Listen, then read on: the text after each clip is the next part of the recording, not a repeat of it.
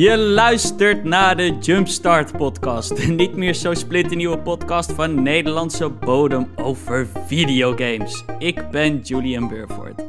En ik ben Emiel van Dalen. Het is vandaag 2 december en deze week hebben we het andere over James Bond, PlayStation VR, Nintendo World, Halo Infinite, PlayStation 2 games op de Series S, Fortnite en nog veel meer. But before we jumpstart, uh, wil ik eerst Kilford weer verwelkomen. Hallo Kill. Dank je, hallo. Blij om weer terug te zijn. Hoe gaat het? Goed, goed. Drukke dagen met werk, maar uh, gelukkig kom ik thuis, heb ik genoeg tijd om te gamen, dus... Uh, ja. Helemaal mooi, man. Uh, Emiel en ik zijn ontzettend blij dat je ons komt helpen uh, af, en toe, of, of, af en toe bij komt springen bij de podcast. We vinden het leuker met z'n drieën, zeggen we heel eerlijk.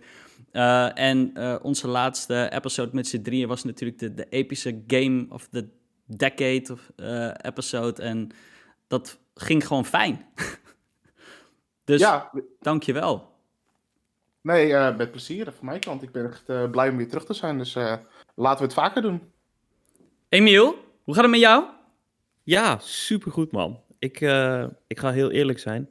Ik loop al sinds afgelopen vrijdag met mijn hoofd in de wolken.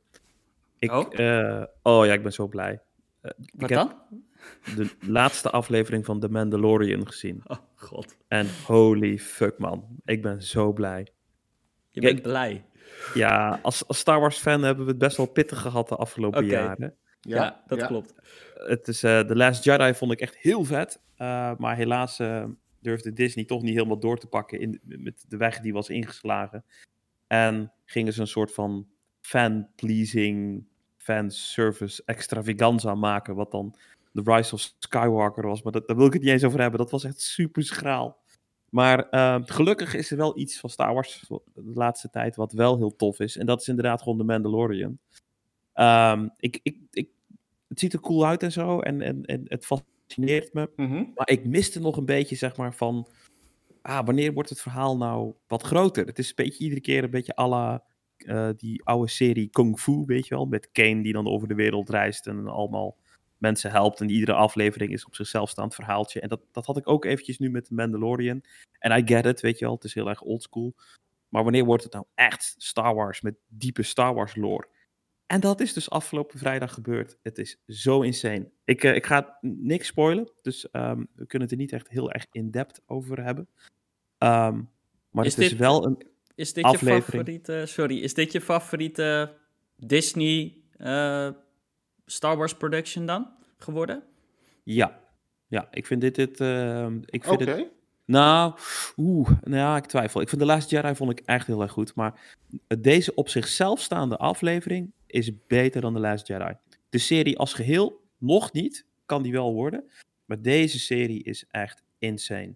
Um, de serie wordt gemaakt door John Favreau en uh, Dave Fellini, Fellino, weet hij volgens mij? Fellino of zo. Geen idee. Uh, maar die, um, die hebben ze met z'n tweeën Star Wars gered, man. Het is zo gaaf, dit.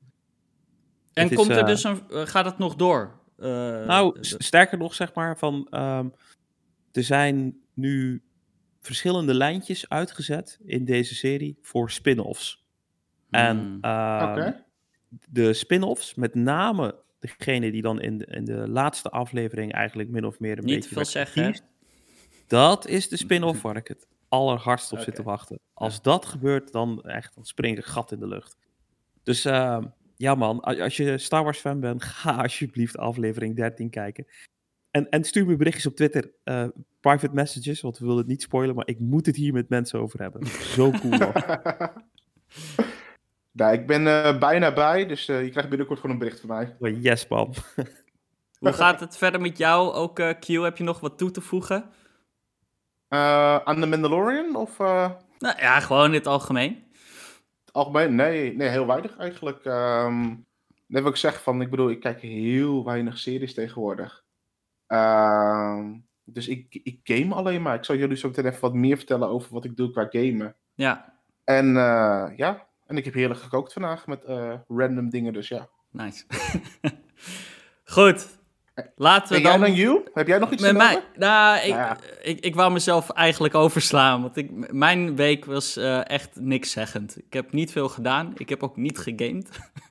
Eh, ik, ik denk, het is echt waar, maar het, mijn, mijn mind zit in Cyberpunk right now. Het is gewoon, Begrijpelijk. ik, ik, te- ik ben de dagen aan het aftellen, letterlijk. En als ik mijn PC aanzet of mijn Xbox, dan staar ik naar eh, de tiles aan games en dan start ik niks op, omdat ik alles teleurstellend vind right now. ik wil gewoon zak, zak spelen. Dus eh, ja, ben je nee, niet bang dat je jezelf eh, iets te veel aan het ophypen bent? Dat het straks Ja, daar ben ik wel- een en al teleurstelling is? Da- daar ben ik zeker bang voor. Ik, ik ben ook bang dat die game heel erg is overhyped. Ehm, weet je, het gaat denk ik niet aan de verwachtingen voldoen. De, de crazy verwachtingen die iedereen heeft. Ehm, want die zijn gewoon ongelooflijk hoog. Maar, Maar- denk ik dat het een fantastische game wordt? Ja, absoluut. Nou, ik moet eerlijk zijn, mijn hype is een beetje aan het afnemen. En er was, vorige week kwam er een berichtje eh, de wereld in. En toen dacht ik echt, oh jeetje, dit is misschien geen game voor mij. En dat was het nieuwtje dat de game minimaal 175 uur zou gaan duren. En toen dacht ik echt, oh nee, dat, dat baart me zorgen. Ja, dat, was een beetje... Sorry, Q? Ja. nou, zeg maar. Oh, nou, ik, ik geloof dat die... Dat werd overal verspreid, eh, die claim. Maar dat werd heel erg uit context gehaald. Want dat was dus van een... ehm, een game tester. Nou ja, die moet Ja. natuurlijk elke nook en cranny in een game eh, verkennen. En ik geloof dat daarna Cyberpunk Official Channel eh, heeft gezegd dat de game zelfs iets korter gaat zijn dan The Witcher 3. Oh, dat zou ik Ehm, prima vinden. Dus de main story dan wel. Eh, ik, ik heb geen idee hoe lang je met de sidequests eh, bezig zijn. Ik bedoel, ik heb The Witcher 3 200 uur of zo gespeeld. Oh god. ja, Ehm, maar dat, dat maar dat bedoel is ik. Bedoel, je, je kan er inderdaad gewoon 50 uur in kwijt, denk ik, of 80. ja. Maar zoals Julian al zegt, je kan er ook gewoon 200 uur in kwijt. Dus ik heb er zin in. Ik heb er echt heel, heel veel zin in. Ik Ja, ben denk ook ik zeggen, sowieso... het, het uitblijven van de Next Gen Pass vind ik ook een beetje zuur. Ik merk aan mezelf dat ik mezelf Ja. een beetje op de rem wil trappen van... Ja, moet ik niet gaan wachten? En ik heb heel ik lang ook. gezegd, ik ga wachten. Maar ja, nu denk ik, ja, ergens in 2021 komt die. Ja, is dat januari? Hebben we het over maart, april, mei? Waar heb je het over? I- iets meer concreet. Dat zou ik echt heel erg waarderen. Ja, true. Q, ga jij hem meteen kopen? Eh, op Ehm, PlayStation of waar ga je hem halen? Ik heb tegen mezelf gezegd, als ik een next-gen console heb, dus als ik een Series X heb of een PlayStation 5, dan ga ik hem direct spelen. Op het moment heb ik hem niet. Eh, dus ik, eh, het ziet ernaar uit dat ik gewoon echt keurig ga wachten tot ik een console heb en dan vanaf day one ga spelen. Ja. Ja, ik bedoel ook eh, meer dan prima. Ik denk wel, ik, ik, goed, ik heb de PC, dus ik heb het probleem niet. Maar ik denk wel dat als ik, als ik dat niet had, dan had ik de game, denk ik, alsnog gekocht en gespeeld. Om denk, want ik denk dat het gewoon heel erg zwaar gaat zijn om gewoon op het internet te zijn eh, in december. Absoluut. Als blijkt zeker. dat ik eh, over twee weken alsnog de game gekocht heb en half uitgespeeld, moet je niet raar opkijken. Maar op dit moment zeg ik met volle overtuiging, ik ga hem niet op mijn oude console aan. Nee. Goed. Zullen we dan nu echt het nieuws induiken, jongens? Yes. Ja, man. Q, waarom vertel jij eh, ons niet wat, eh, wat we, waar we mee gaan beginnen? Nou, wa- wat een eer. Zeker voor jou. Ehm, Het heeft er alles mee te maken dat IO Interactive, de ontwikkelaars van Hitman, die hebben eigenlijk een nieuwe teaser trailer getoond. Ehm, en daarmee uh, reviven ze eigenlijk automatisch een nieuw soort game. Of een oud soort game. Ze hebben namelijk een teaser trailer getoond van een James Bond game. Wat vinden jullie daarvan? Nou, ik, ik wil de eer toch aan, aan, eh, aan Julian laten, want ik kan me nog de discussie levendig herinneren of Hitman nou wel, niet, wel of niet een game, van de generatie was. Uh, dus ik, uh, ik wacht eventjes tot het enthousiasme van uh, Ja, ja. Julian over ons heen is gespoeld. En dan ga ik het daarna gewoon weer overheen schijten. Dus uh, Oké. ga je gang. eh. Nou, eh, het, ik moet wel echt zeggen, toen dit nieuws kwam, jongens. Ja, ik weet niet. Ik, ik, ik glunderde helemaal. Ik was Mhm. zo vrolijk eh, met dit nieuws. Want ja, ik ben eh, fan van IO Interactive. Dat, dat is al heel erg duidelijk in deze podcast. Wat? Eh, maar ik ben ook een enorme fan van James Bond games. En ik weet niet, misschien is het ook deels nostalgie. Maar ja, GoldenEye. Ehm, ook gewoon andere games dan GoldenEye hoor. Ik heb best wel veel. Je had ook nog The World Is Not Enough, geloof ik, op eh, de N64. Die vond ik ook heel erg tof. Ja. Nightfire op GameCube was een fantastische game. Dat was gewoon echt heel vet.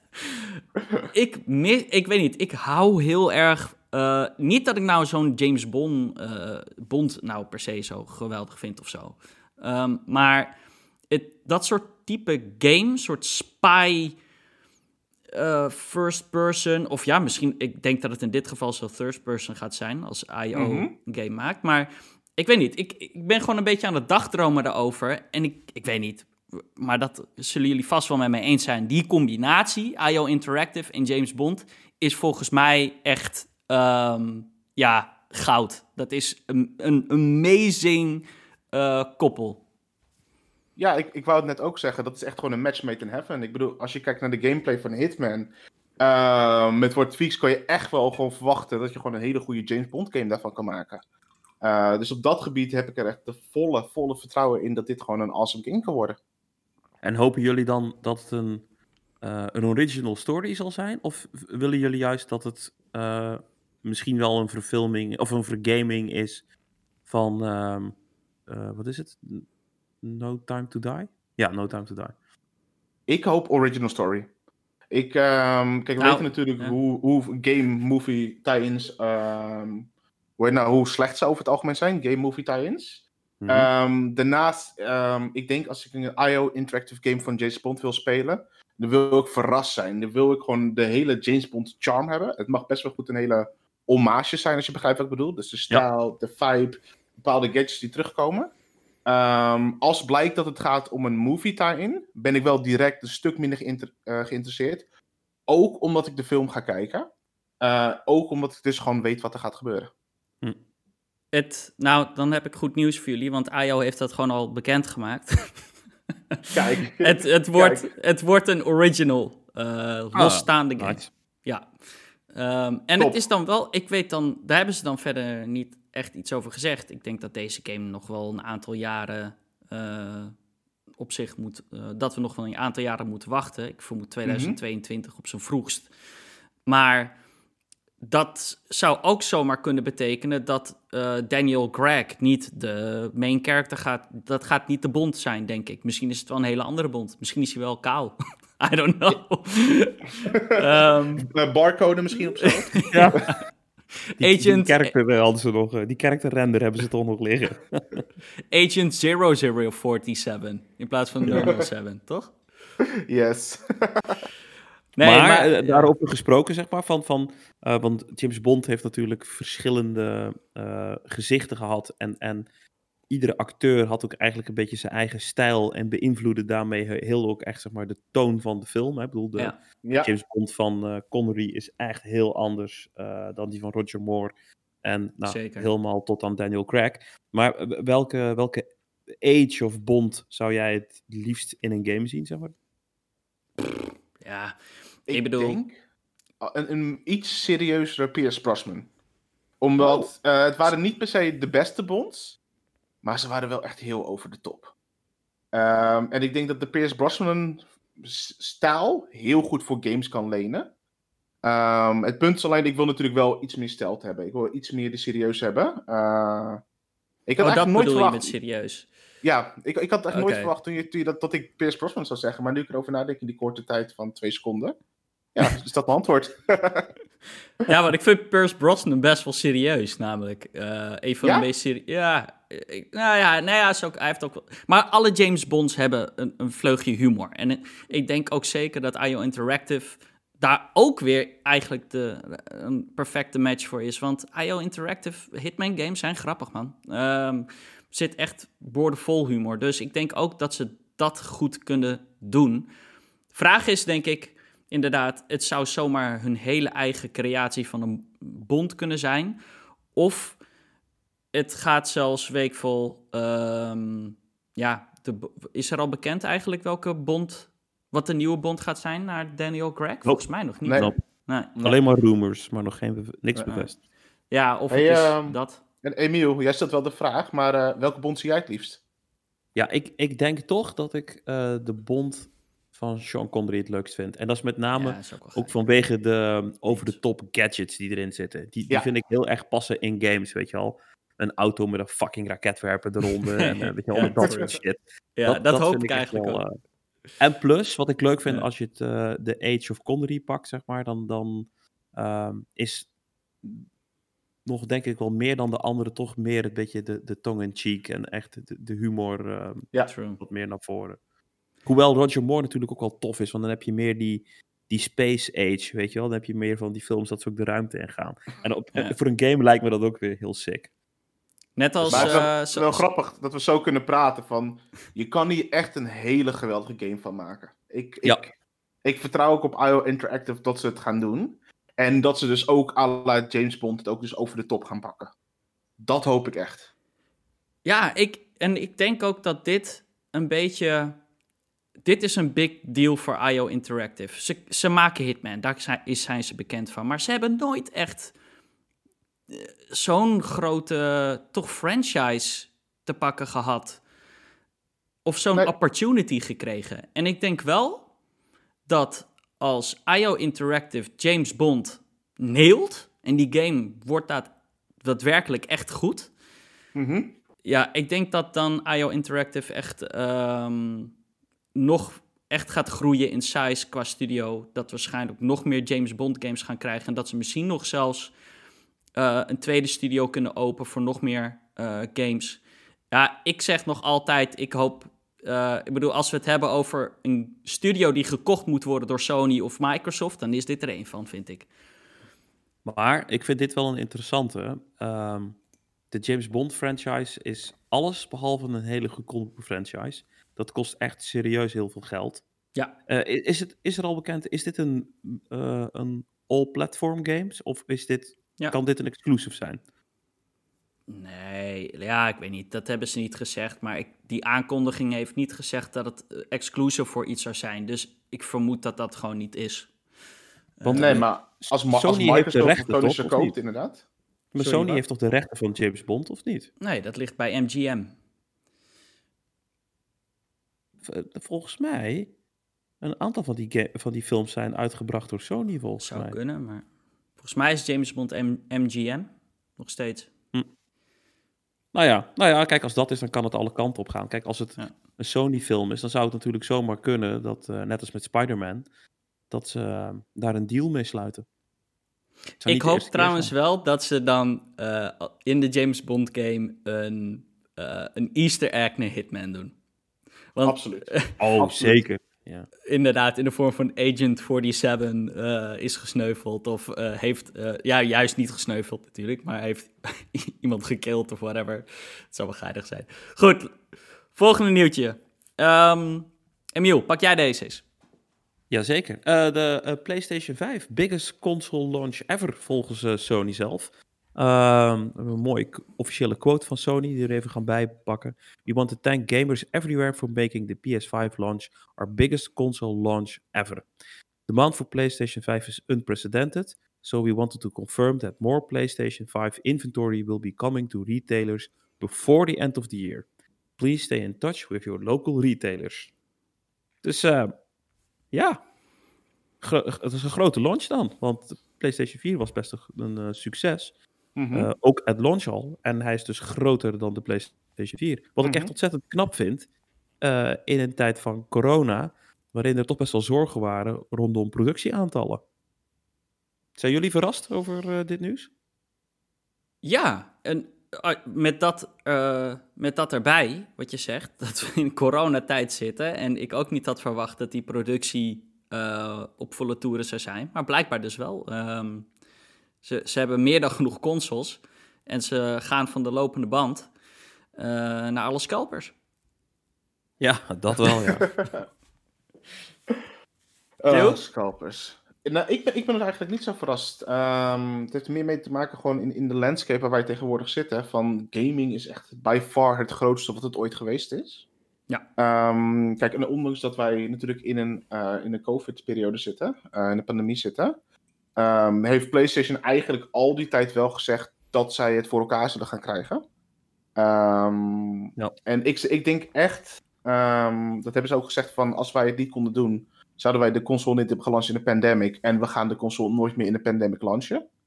Maar ik denk echt, als PlayStation van tevoren had zien aankomen, wij gaan niet genoeg consoles hebben, dat ze het uitgesteld hadden. Ja. Want wat je nu ziet, is al dramatisch. Ehm, qua bad press voor PlayStation, ook voor Xbox, maar zeker voor PlayStation. Ja. Ehm, en nu hebben ze dus hun biggest launch ooit gedaan. Laat staan dat ze helemaal geen consoles hadden. Maar ik, ik denk om het een beetje zeg maar, in perspectief te plaatsen. Hm. Gaming is ook groter dan ooit. Hè? Ja, dat By zegt. Q. Ja, Ja. Ja, Ja, want, nee, je, ziet, je ziet nog steeds, eh, ik ben er één van, hoeveel mensen alsnog geen console hebben gehad. Ja, hoeveel mensen veel. dus wel een console willen hebben. Ik, wil, ik wacht deze week voor Coolblue op een belletje. Omdat ik mijn schoen toch vorige week heb gezet. En de hele week kunnen ze mensen ja. bellen. Dus elke keer als iemand mij anoniem belt, denk ik, yes! Ook al weet ik dat Ja. het gewoon... eh, even kijken, wat, wat stond op hun website? Het stond van, eh, de kans is net zo klein alsof je Flappy Bird uitspeelt. Ja. Eh, dus ik weet dat de kans net zo klein is dat ik Ja. Flappy Bird uitspel. En toch hoop ik op dat anoniem belletje dat ik toch die gelukkige ben. Ja, maar wat wel- hartstikke mooi nieuws toch? Ook echt gewoon dat gaming ook gewoon in deze tijden inderdaad gewoon toch die, die push forward blijft maken. En, en ja, dat er gewoon vraag is naar die nieuwe consoles. No matter what, weet je wel. Ja. De wereld staat in de fik, maar toch willen we gamen. Nou ja, we, we willen nog meer gamen omdat de wereld in de fik staat. Het is, Ja. het, het is zelfs, ja, eh, gaming is op het moment nog bigger dan, eh, ik weet niet, eh, zonder de corona, weet je wel. Dus True. Maar ja, het is is- wel 500 euro uitgeven in onzekere tijden. zeker, Dus ik- ik- ja, ja, Ja, ja, wel, dat- eh, zeker. Alleen, ehm, ehm, waar ik wel benieuwd naar ben. eh, vandaag zag ik toevallig een, eh, een item op een eh, niet nader te noemen Nederlandse gaming website. En daar maakten ze de claim dat in, de pro- in het productieproces ehm, eh, Microsoft meer consoles zou hebben eh, verscheept dan Oké. eh, PlayStation. Mhm. Wat, wat zegt dit dan over eh, mogelijke verkoopaantallen als je ze tegenover elkaar zet? Ja, we hebben geen verkoopaantallen. Dat is het hele vervelende. Het is allemaal, ja, deze retailer die, die, die zegt... eh, die- hè, retailers los kunnen wel zeggen hoeveel ze van elk hebben verkocht... maar uiteindelijk is het toch een rekensom die we allemaal moeten maken. En echt Ja. daadwerkelijke aantallen hebben we gewoon niet. Eh, ik bedoel, vorige week hadden we het nieuws van de Xbox... van dit is de beste console launch die Ja. wij ooit hebben gehad. En nu heb je Mhm. Sony. Dus Ja. ja, weet je, eh, eh, we zeiden het vorige week volgens mij ook al. het- De consoles zijn uitverkocht. Maakt niet uit welke. Uh, Ja. Zelfs de Series S is op. Dus ja, het is in principe nu gewoon, ja, wie kan dan de meeste ma- manufacturen? Ja, ja dat en is die het staat dan aan kop, eigenlijk. Ja. Nou, maar dus- die heeft daarmee dus ook de grootste console launch- ooit. Ja, Ja, Dat is wel, vind Ja. ik wel echt een sikke ontwikkeling hoor. ja, dat is Ja, wel Maar, maar aan de andere kant, Switch had dat toch ook gewoon super goed gedaan? Of was er daar ook gewoon supply issues in het begin? Eh, Switch was in het begin niet zo'n hot item. Ik denk dat het pas eh, ietsje later kwam. Eh, Hm. Dus eh, laat ik zo zeggen, die, die piek is wat, wa- was wat minder stijl, om zo maar te zeggen. Kijk, PlayStation 5 en eh, Series... PlayStation 5 is een fucking big deal. Weet je wel, iedereen wil dat ding. Ik ken inderdaad wat Q zegt. Ik ken meer mensen die hem niet hebben dan wel. Al- en dat bedoel ik, die hem wel willen hebben, maar hem niet hebben kunnen krijgen, weet je wel. Ehm, en ja, ik bedoel, ook, je ziet het ook inderdaad, de scalpers. Ze zeggen, het, is... pff, Het, het is een business geworden. Nou ben ik wel heel erg blij. Eh, misschien kunnen we het daar ook maar gewoon meteen over hebben. Ik had dat later als een quickie neergezet. Maar eh, het schijnt dus nu ook zelfs dat een aantal van die scalper groups... waar we het vorige week over hadden... dat zijn gewoon letterlijk gewoon... ik noem het maar even bedrijven, scalperbedrijven, I don't know Mhm. die eh, nu YouTubers benaderen, omdat ze toch een beetje hun billen be- beginnen te knijpen, eh, I guess. Ehm, en vragen aan YouTubers van, ja, kunnen we een beetje advertentietijd eh, krijgen? Ehm, en zou je onze, ja, onze spotlight kunnen geven? Nou ja, geen enkele YouTuber doet dat natuurlijk. Ehm, maar ja, dat geeft dus wel aan. de, er zijn te veel scalper groups. Eh, ze moeten nu met tegen, tegen elkaar eh, opvechten eigenlijk. En ze hebben er gewoon echt zoveel gekocht dat het ze misschien niet eens gaat lukken om het allemaal te verkopen. Want hè, slimme mensen wachten gewoon. Nou, ze Nou- kunnen in ieder geval niet verkopen tegen de prijzen die ze graag zouden Ja, dat willen. bedoel Ik denk dat dat het is. Dat is inderdaad. En ook wat je nu ook ziet, eh, omdat het gaming groter is, zijn bedrijven ook voorbereid. Als je kijkt naar een van vroeger de bekendste scalper-websites, eBay. eBay Ja. heeft gewoon tegen mensen gezegd: zie je een scalper, report het. Wij zorgen dat hij die kan verkopen. Echt waar? eBay is, ja, Ja, eBay ja. is echt actief scalpers Oh. van PlayStation en Xbox aan het tegenhouden. Die zegt report scalpers. Ja. En, en eBay is super groot. Hier in Nederland valt het natuurlijk best wel mee, maar gewoon op de wereld is eBay heel groot. Ja. Ehm, nou ja, al- ik, weet niet van meer dingen, meer bedrijven zoals eBay doet. Zou me niks verbazen als Marktplaats ook er tegen doet, maar dat weet ik niet Eh, zeker. Eh, vandaag was er ook een berichtje van Amazon. Ik, eh, ik, wa- ik was hem helaas vergeten om op te slaan. Maar ik zag een berichtje langskomen waarin een scalper heel erg trots aan het pochen was op Twitter. Met een soort orderbevestiging met hoeveel van die shit on- naar hem onderweg was. EBay heeft dat gezien, of sorry, Amazon heeft dat gezien. Order cancelled. Nice. Krijgt helemaal niks. Ja, nou, terecht ook. Ik ben blij Terecht, dat, eh, dat eh, dat soort grote namen zoals een Amazon en eBay daar toch nu op letten en eh, daar wat aan doen. En inderdaad, wat jij vorige week ook al zei, Emiel, het is heel stom dat ik daar nooit eerder heb over nagedacht en überhaupt al die sites niet van, inderdaad, doe gewoon even een captcha voordat je Ja. uitrekent, eh, of afrekent bedoel ik. Ehm, Zeker. Ja, Ja, Ja, en eh, als, als laatste eh, kleine toevoeging. Wat ik ook opvallend vond, is dat zowel bij de PlayStation 5 als de Series X. eh 75% van alle consoles zijn met disc. ja? Wauw. Ja, weird hè? Had ik ook niet verwacht. Maar bedoel je van zowel Series... Je bedoelt gewoon van de PlayStation 5 is 75% met disc. Ja, nou ja, sorry. Ja, en dan de Xbox. Ja. Je, dus, dus, ja, dus de, de Series S 25% zeg je. Ja. Ja. ja, in beide gevallen. Ik vind dat opvallend hoor. Ja, ik bedoel... Ik welke was jij van plan eigenlijk te, te kopen, Q? Eh, de normale, dus eh, de met disc. En dat had er eigenlijk mee te maken dat in eerste instantie games worden 80 euro. Mhm. En aan de ene kant ben ik niet iemand die de meeste games ehm, ja. Met, met release koopt. Maar aan de andere kant wil ik het wel meer gaan doen. Ja. Ehm, en ik vind 80 euro vind ik wel echt heel veel voor games. Ook al begrijp ik de prijs heel goed. Ja. Ja, klopt. Ehm, en de tweede is, het gebeurt niet heel vaak. Maar ik heb een vriend van mij waarmee ik games deel. ja. Ehm, en dan, ja, dan koopt hij hem en dan speelt hij hem meteen uit. Hij game, echt, heeft die game heel snel binnen een week uit. En dan eh, betaal ik hem 40 euro, of zo in, in het geval van 80 euro. En dan heb ik een week na release heb ik voor 40 euro de game. Oh, nice. En dat tikt op een gegeven moment op een ja, langdurige gehalte, heb je die 100 euro er zo uit. Ja, jij, jij zegt er ook even snel tussendoor 80 euro per game. Ik snap het. Ik snap het echt totaal niet trouwens.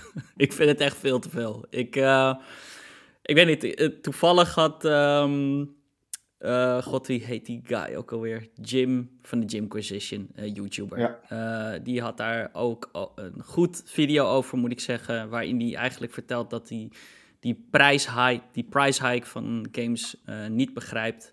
En ja, ik weet niet. Weet je, iedereen zegt van ja, games zijn 60 euro, maar dat zijn ze al lang niet meer. Dat zijn ze al jaren eigenlijk niet. Weet je wel, ja, Nee. 60 euro is de base price. En dat is waar het begint eigenlijk. En dan Mhm. Ja. kan je nog microtransactions, dan heb je nog DLC, dan heb je packs. Weet je wel, ik bedoel, als we even Mortal Kombat als voorbeeld nemen. Tuurlijk, de, combat, de content die je krijgt is vet, maar uiteindelijk voor de complete edition betaal je gewoon 120 euro. Ja.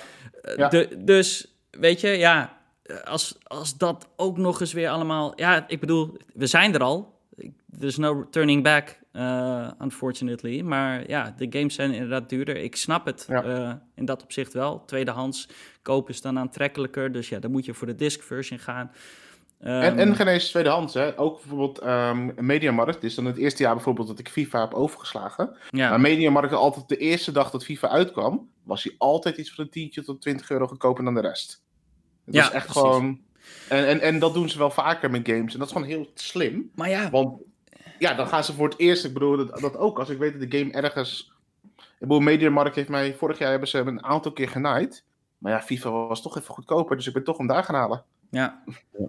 Maar ja, dit is hetzelfde. Net als eh Emiel, die zat ook ehm soort van, moet ik digital nu mijn games gaan kopen? Of ga ik ze nog op disc kopen? Ja, En voor mij was er van- wel één, eh, één doorslaggevend argument Ja. waar, wat Julian, Julian me op wees, was... Ja, ik, ik ben heel erg fan van Quick Resume. Eh, ik wil nooit meer een console zonder Quick Resume. Maar dat kan alleen als je digitale games hebt. Want dat voordeel is, die snelle laadtijden zijn weg als je iedere keer discs moet wisselen. Klopt. En, en daarom is het fijn om de keuze ook? te hebben. Want, ehm, laat ik zo zeggen. Mijn voorkeur gaat 100% in digitaal. Hm. En ehm, als, als de pri- het prijsverschil meevalt of dergelijke. Of als ik Ja. denk ik wil hem halen. Ik ga hem met niemand delen. Haal ik hem digitaal als de prijs hetzelfde is. Ja. Ja. Dus het is echt een financiële... Het, het, het, Besluit. uiteindelijk is het een financieel besluit. Ja, ik, Ja, ik ja, heb eh, vroeger wou ik echt sparen en dat soort dingen. Maar sinds de PlayStation 4 had ik zoiets van: kijk, dan, eh hoe heet het nou, dan heb ik die game op disc en dan wil ik de andere game doen. En dan, ja, het klinkt super lui, maar ja, dan moet ik opstaan, naar mijn meubel lopen, Ja, CD in, al. CD uit. Ja, Ik doe dat al jaren wel, niet meer. Nee. Goed, eh gaat door. Eh, Sony eh, komt nu met, althans, patents duiken het internet op van de PlayStation 5 VR-headset. Dus toch wel VR. Wat is het nou? Ehm, goed, het is, de leaks komen van Let's Go Digital. Deze site is ook verantwoordelijk geweest voor de destijds de leaks van de, ja, ook voor, ook voor de patentleks van de DevKit van de PlayStation Mhm. 5. Die, die gekke, die V-shaped ding. Dat was die Ehm, wc-brilverwarmer. De, de wc-brilverwarmer, inderdaad. Of eh, wat was het ook weer? Al die memes, inderdaad. De pizza slice verwarmer. En nou ja, goed. Ehm, anyway, eh, de headset eh, is, ja, lijkt toch wel echt te bestaan. Ehm, er zijn dus patenten van. Met een aantal interessante kleine dingetjes. Allereerst zit er een paar, eh thans, hè, allemaal volgens de patenten, zitten er sensoren eh, op de headset. Waarbij je eigenlijk soort van, ja, die, die, die, die jou moeten vertellen of je de headset goed draagt, ja of nee. Mhm. En dan zou er dan een indicaat, eh, een lamp, eh, lampje in die, eh, een indicator zijn, die ook dan zegt van, oké, ja, groen licht, hij zit nu goed, perfect. De bril staat op je achterhoofd. Ja. exact. Ehm, daarnaast eh, zou de headset ook werken met PC. Eh, wat ik wel. eh, Hele slimme move als dat zo is. ja, Ja. echt, echt. En eh, dit is al helemaal een bijzondere: eh, haptic feedback in de, eh, in de headset. Dus ja, ik weet niet. Ik, had- ik heb hier ook. We zitten hier allemaal een document te kijken, maar ik heb er ook tussen haakjes geschreven: Rumble in je hoofd? eh, vraagteken. Ja, ik denk eh, dat is een, eh, een enkeltje richting de chiropractor, denk ik, als je dan te lang hebt zitten gamen. Ik, eh, ik zie dat niet voor me hoor, heb ik feedback in een eh, VR-set. Als je het heel subtiel doet, het is namelijk, ja, het is gewoon heel weird op je hoofd. Dus elke beetje rumble merk je wel, maar Dude, mensen Ik- krijgen nu al koppijn van VR. Dat, be- dat, be- dat bedoel ik inderdaad. Ik, ik weet ook niet wanneer ik Rumble. Als ik een headshot krijg of zo. En dat is cool, maar dan dat. Zo Nou, ineens weet je wat wel klap. cool zou zijn? Als het een soort ehm, eh, hybride is tussen die, eh, die Vive eh, headset, weet je wel, met die, met die controllers die je dan in je hand hebt. Of Vive of Ja. Vive, weet ik veel hoe dat ding heet. Dat je hebt zo'n soort cirkel om je hand heen. Als dat zeg maar met haptic feedback is, dat zou ik wel heel chill vinden. Moet je Ja, voorstellen dat je een soort controller. VR gaat boksen of zo. Hoe vet zou dat zijn? Klopt. Ja, ik denk sowieso, dat eh, was dan niet duidelijk deze patenten, maar eh, ik denk wel, ze moeten ook met een nieuwe controller komen natuurlijk. De Move kunnen ze niet weer gebruiken, die, die bestaat al sinds de PlayStation 3. Ja. Eh, dat is een vrij, ja, ehm, ancient controller inmiddels. Dus ik Ja. denk dat ze dan waarschijnlijk ook inderdaad met een, twee nieuwe, ehm, ja, eh, hoe noem je die dingen? Modes? Ik noem ze nog steeds Wiimotes, I guess.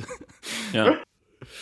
ja, Nee, maar het is, het is, wel, eh, het is wel een opvallend nieuwtje. Omdat natuurlijk eh, Jim Ryan had gezegd dat hij de eerste twee jaar eh, weinig tot geen VR-activiteiten vanuit Sony verwacht. Dat Ja. de, de push en de focus op de PlayStation 5 en PlayStation 5 content zou liggen.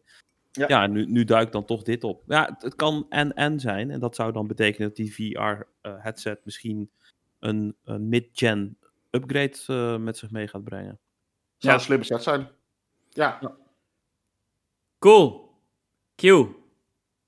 Ehm, even kijken hoor. Nou, de meeste van jullie weten het misschien wel als gamers. Maar Nintendo is in Japan een eigen, ja, eigenlijk een eh, Universal Studio pretpark aan het bouwen. En eh, de eerste beelden zijn online gekomen. Ehm, hij gaat volgend jaar open. Eh, 2 april 2021. En ja, jullie moeten de beelden voor jullie zelf zien. Maar ik denk dat ik voor ons drieën spreek van dat dat ziet er geweldig uit, toch?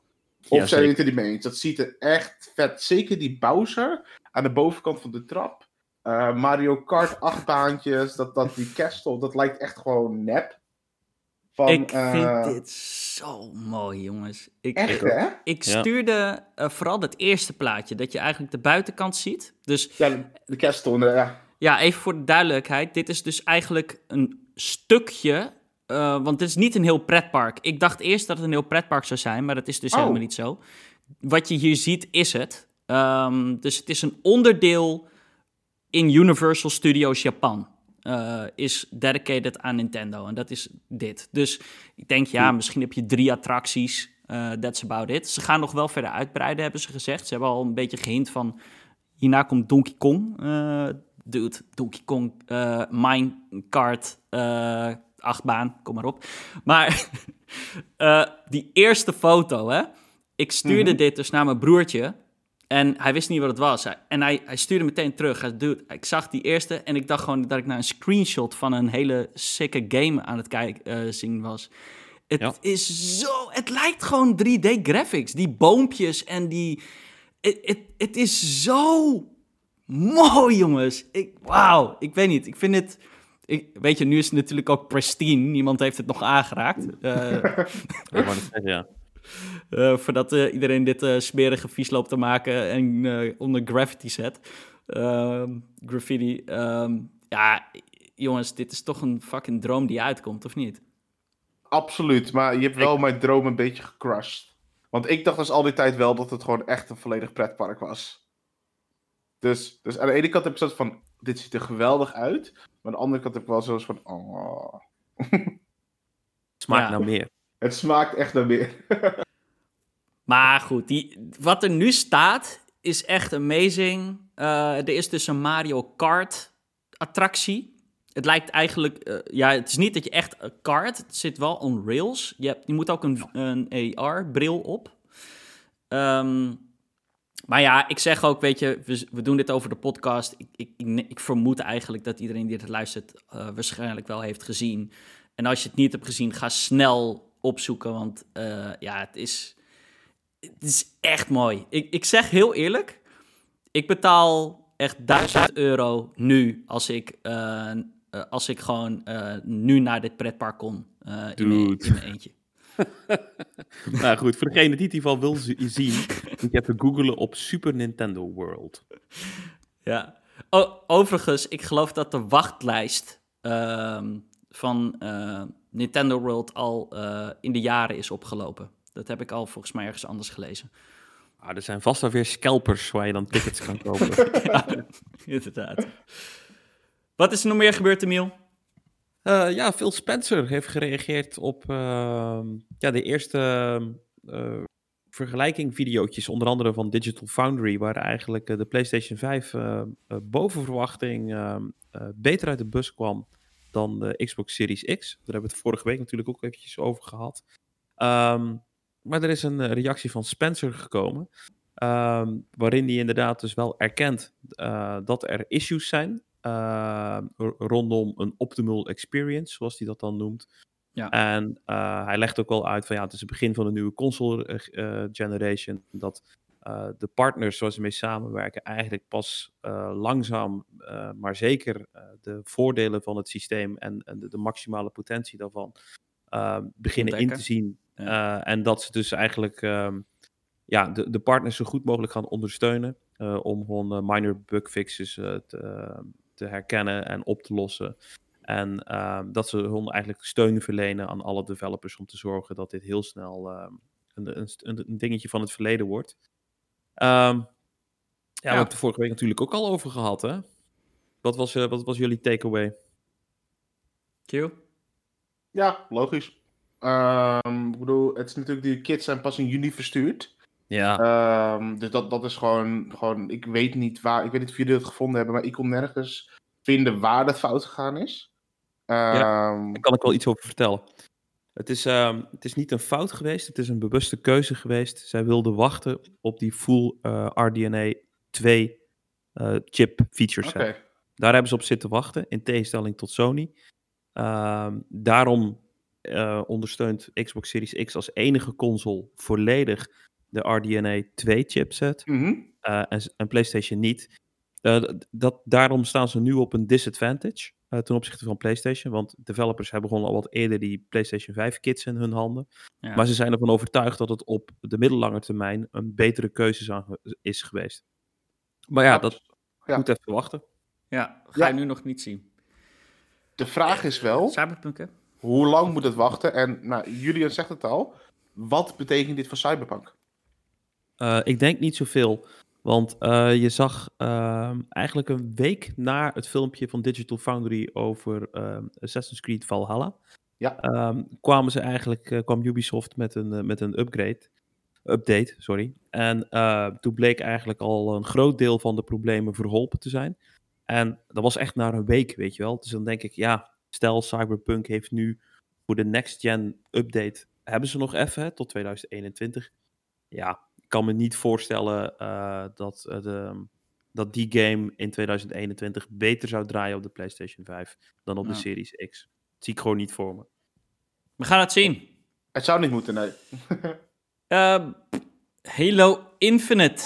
Ehm, ja, komt ook wel weer vaak aan bod, I know. Maar er komen elke keer wat kleine sprokkeltjes en tidbits en nieuwe dingetjes naar boven. Eh, afgelopen week eh, zijn sowieso zijn deze rumors niet voor het eerste keer opgedoken. Maar hè, mensen, eh, rumors nu in ieder geval dat Battle Royale wel eens een mode gaat zijn in Halo Infinite. Ehm, en ik denk niet dat ik, weet je, er is ook nog officieel op gereageerd. eh de Brian eh Gerrard van 343. Hij zegt daar eigenlijk ook niet echt heel veel. Hij zegt van, ja, deze rumors zijn eh, unfounded, weet je wel. Maar hij ook, ontkent ze ook weer niet. Hij zegt niet, hij zegt unfounded, maar hij zegt niet are not true. Ehm, Mhm. Ja. daar zit nog wel een verschil in. Dus ja, ik denk dat ik misschien gewoon even de vraag aan jullie moet stellen. eh, Halo Infinite, Battle Royale, eh yay or nee? Goed idee of niet? Q? Ja, ik, ik vind het lastig, want ehm, in eerste instantie zeg, ik- zeg ik jee. Want ehm, elke extra game modus is leuk. Ehm, het gaat niet van mij zijn en dergelijke. Ehm, wat wel belangrijk is, is zolang de normale multiplayer mode op orde is voor Halo Infinite. Ja, eens. Ehm, kijk, hij wordt al free-to-play. Nou ja, dan, dan is het dus ook al ehm, ja, een- logisch dat een Battle Royale mogelijk die stap kan maken. Want dat is ehm, tegenwoordig echt wel de way to go voor een eh, free-to-play game. Voor, voor een Battle Royale. Ja. Om free-to-play te gaan. Als de multiplayer ehm, gewoon, gewoon top-notch is, dan is het absoluut een jee. Maar als blijkt dat gewoon ja, je duidelijk de tijd gesufferd is ehm, om weg te halen van de multiplayer modus. Om de Battle Royale eruit te pompen voor meer kliks en likes en cloud en dat soort dingen. Dan denk ik, ja, nee. Een Battle Royale hoort niet per se bij Halo. Ja, daar denk ik anders over. Ja? Ja, ik, eh, ehm, in Halo 5 ben ik echt helemaal verslingerd geraakt aan eh, de multiplayer mode. En die, die heette Warzone. Ja. En eh, Warzone zijn echt big-ass maps. Maar ook echt eh, maps waar je dus eh, vooral vehicles kan gebruiken. Dus tanks en banshees. en Battlefield. die- Eigenlijk. Ja, ja nou, een soort, ja, een soort wel. Mhm. Van, maar dat vond ik dus ontzettend goed werken in Halo. En dat was eigenlijk mijn favoriete eh, mode. Dus op het moment dat ze die groter maken... Ja man, dan heb je gewoon Ja. een soort... Dan heb je een soort Call of Duty Warzone, alleen dan met fucking vehicles. Hoe, hoe super cool zou dat dan zijn? Dat je met meerdere mensen in zo'n grote tank zit of zo, weet je wel. Nou, dat, dat lijkt me echt helemaal, helemaal het einde. Maar Zie moet die modus een Battle Royale zijn? Of kan je die modus ook met een respawn cooldown krijgen? En objective-based things doen, bijvoorbeeld. Ja, Ja, ik, dat ik denk ik dat wel alle twee kan. Ja, ja Wat- ik, laat ik zo zeggen, ik vind inderdaad het idee van Battle Royale... Ik ben geen Battle Royale fan, dus voor mij hoeft het niet. Ehm, maar ik weet niet, met Halo eh, eigenlijk, ja, zoals Emiel, Emiel het omschrijft... weet je wel, in je Banshee eh, met een squad eh, rondrijden... en met zo'n, hoe heet die, die zwevende voertuigen ook weer? Eh, die Ghost? Nee, Ja? ja. Ghost, ja.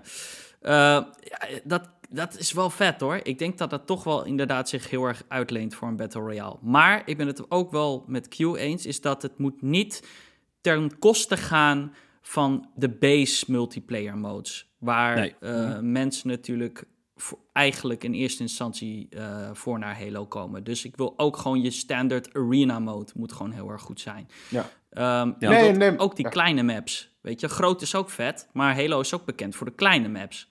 Ja. Dus ja, ik, ik ben heel erg benieuwd hoe ze dat gaan doen. Kijk, aan de ene kant, de Battle Royale mode zou waarschijnlijk dan ook, of althans hoop ik, free-to-play eh, worden voor, voor, voor iedereen. Eh, dus Ja. to- toegankelijk Ah, voor iedereen. Dat is natuurlijk een mooie gateway om dan ook mensen naar binnen te harken en eh, ja, te verleiden. En misschien naar de andere multiplayer modes te brengen, of misschien zelfs de singleplayer. Ehm maar wat ik wel altijd heb is, ja, toch ook weer wat Q zegt. Als je te veel, kijk, Halo is, staat sowieso al bekend om een heleboel verschillende modes te hebben in multiplayer. En op een gegeven moment heb je een saturation aan modes. En dan krijg je het probleem dat lobby's eh, moeilijk volkomen. En ja, dat wil je natuurlijk heel erg voorkomen. Zeker in een Battle Royale. Ja, dat snoept gewoon een heleboel eh, potential players weg van de modes die je misschien liever crowded ziet. I don't know. Ja, maar zou dat echt een issue zijn als je het hebt over fucking Halo, gratis multiplayer? Dat, hoeveel mensen gaan dat niet spelen? Minder dan Call of Duty. Nou, dat vraag ik me af. Ik- Dat vraag ik me echt af. Ik denk echt dat je surprised gaat zijn hoeveel oude eh, Halo-liefhebbers denken... Oh, hij is gratis? Weet je wat, ik ga hem checken. Ik, ik denk echt dat je schrikt van die aantallen. Ik ben heel... Ik, ik wil het weten. Ik ben heel benieuwd hoe groot eh, Halo als naam these days is. Want in feite, we hebben op de Xbox One heeft eh, Halo 5 geen eh, impact gemaakt. Wat betekent dat we... Nou. Nou, nee, heeft het niet gedaan. Dus eh, we, we slaan gewoon letterlijk gewoon... Je moet tien jaar terug eigenlijk voor... Laat ik zo zeggen, de Halo-fans zijn onze leeftijd. dat, zijn Ja, niet, ja. dat zijn niet de mensen die nu Fortnite spelen, snap je? Dus je moet ook... Dat wordt echt een lastige taak. Eh, Microsoft heeft een, he- een 3 for 3 hebben een hele moeilijke taak. Want hun, ja, hun missie is ook natuurlijk die Fortnite-players, jonge, het jonge publiek, ehm, weer ja, veel, enthousiast te maken over Halo. En so far denk ik dat dat gewoon... eh, Is Halo denk ik gewoon onder de jonge gamers eh, oude mensen game.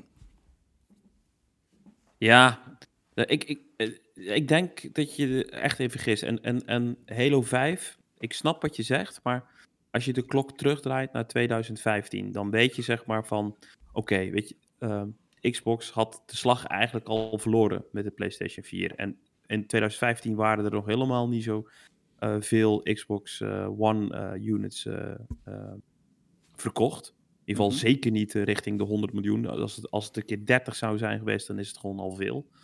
Ehm, Ja. Maar als je dan ziet dat die game, zeg maar, al- alleen in 2015, t- dus naar verwachting tussen de 7 en 8 miljoen kopies sold heeft. Ja, op die kleine userbase, dat, dat is echt gewoon nog steeds groot, hè? Ik denk dat ik hier gewoon even gewoon, eh, politiek correct moet gaan zijn. ja. Eh, Ik denk dat jullie allebei gelijk hebben. Ik denk namelijk dat, eh, kijk, Halo heeft gewoon, de laatste jaren is het gewoon wat van zijn naam kwijtgeraakt. Ja, Het heeft deels met de Xbox One te maken, het heeft deels met Halo 5 te maken. Ehm, aan de andere kant is het wel zo dat, hoe je het wendt of keert, Halo is nog altijd een solid name. Ehm, Halo, Halo is misschien niet de grootste naam bij de jeugd, maar bij onze leeftijd nog steeds eigenlijk de grootste leeftijd gamers op het moment. Eh, sorry, de grootste categorie gamers. Want ja, ik bedoel eh 30, nee 25 tot 35, volgens mij zijn we allemaal zo oud. Ja, het is een Eh, bekende naam, zeker. Het, Ja. het is een hele bekende naam. En zeker dat de multiplayer free-to-play gaat zijn. Ik denk dat als de multiplayer up te snap is, als het free-to-play gaat zijn, als de streamers het gaan spelen, dat mensen echt wel terug gaan komen naar Halo. Want dit is niet je de random is, launch game. Ja, en de game goed is. Ja, ja, dat is wel een vereiste, ja. Ja, di- ja, dit is niet je random launch game die je hebt. Dit is een freaking Halo. Ja. Ehm, dit, is, dit is ik als PlayStation fan, Ik, ik die nog steeds het, de. Halo's heeft gespeeld om een Xbox van iemand te lenen en dergelijke. Ja. Ehm, en het is ook mijn vrienden die ook allemaal PlayStation zijn, maar ze hebben al hele goede herinneringen aan Halo.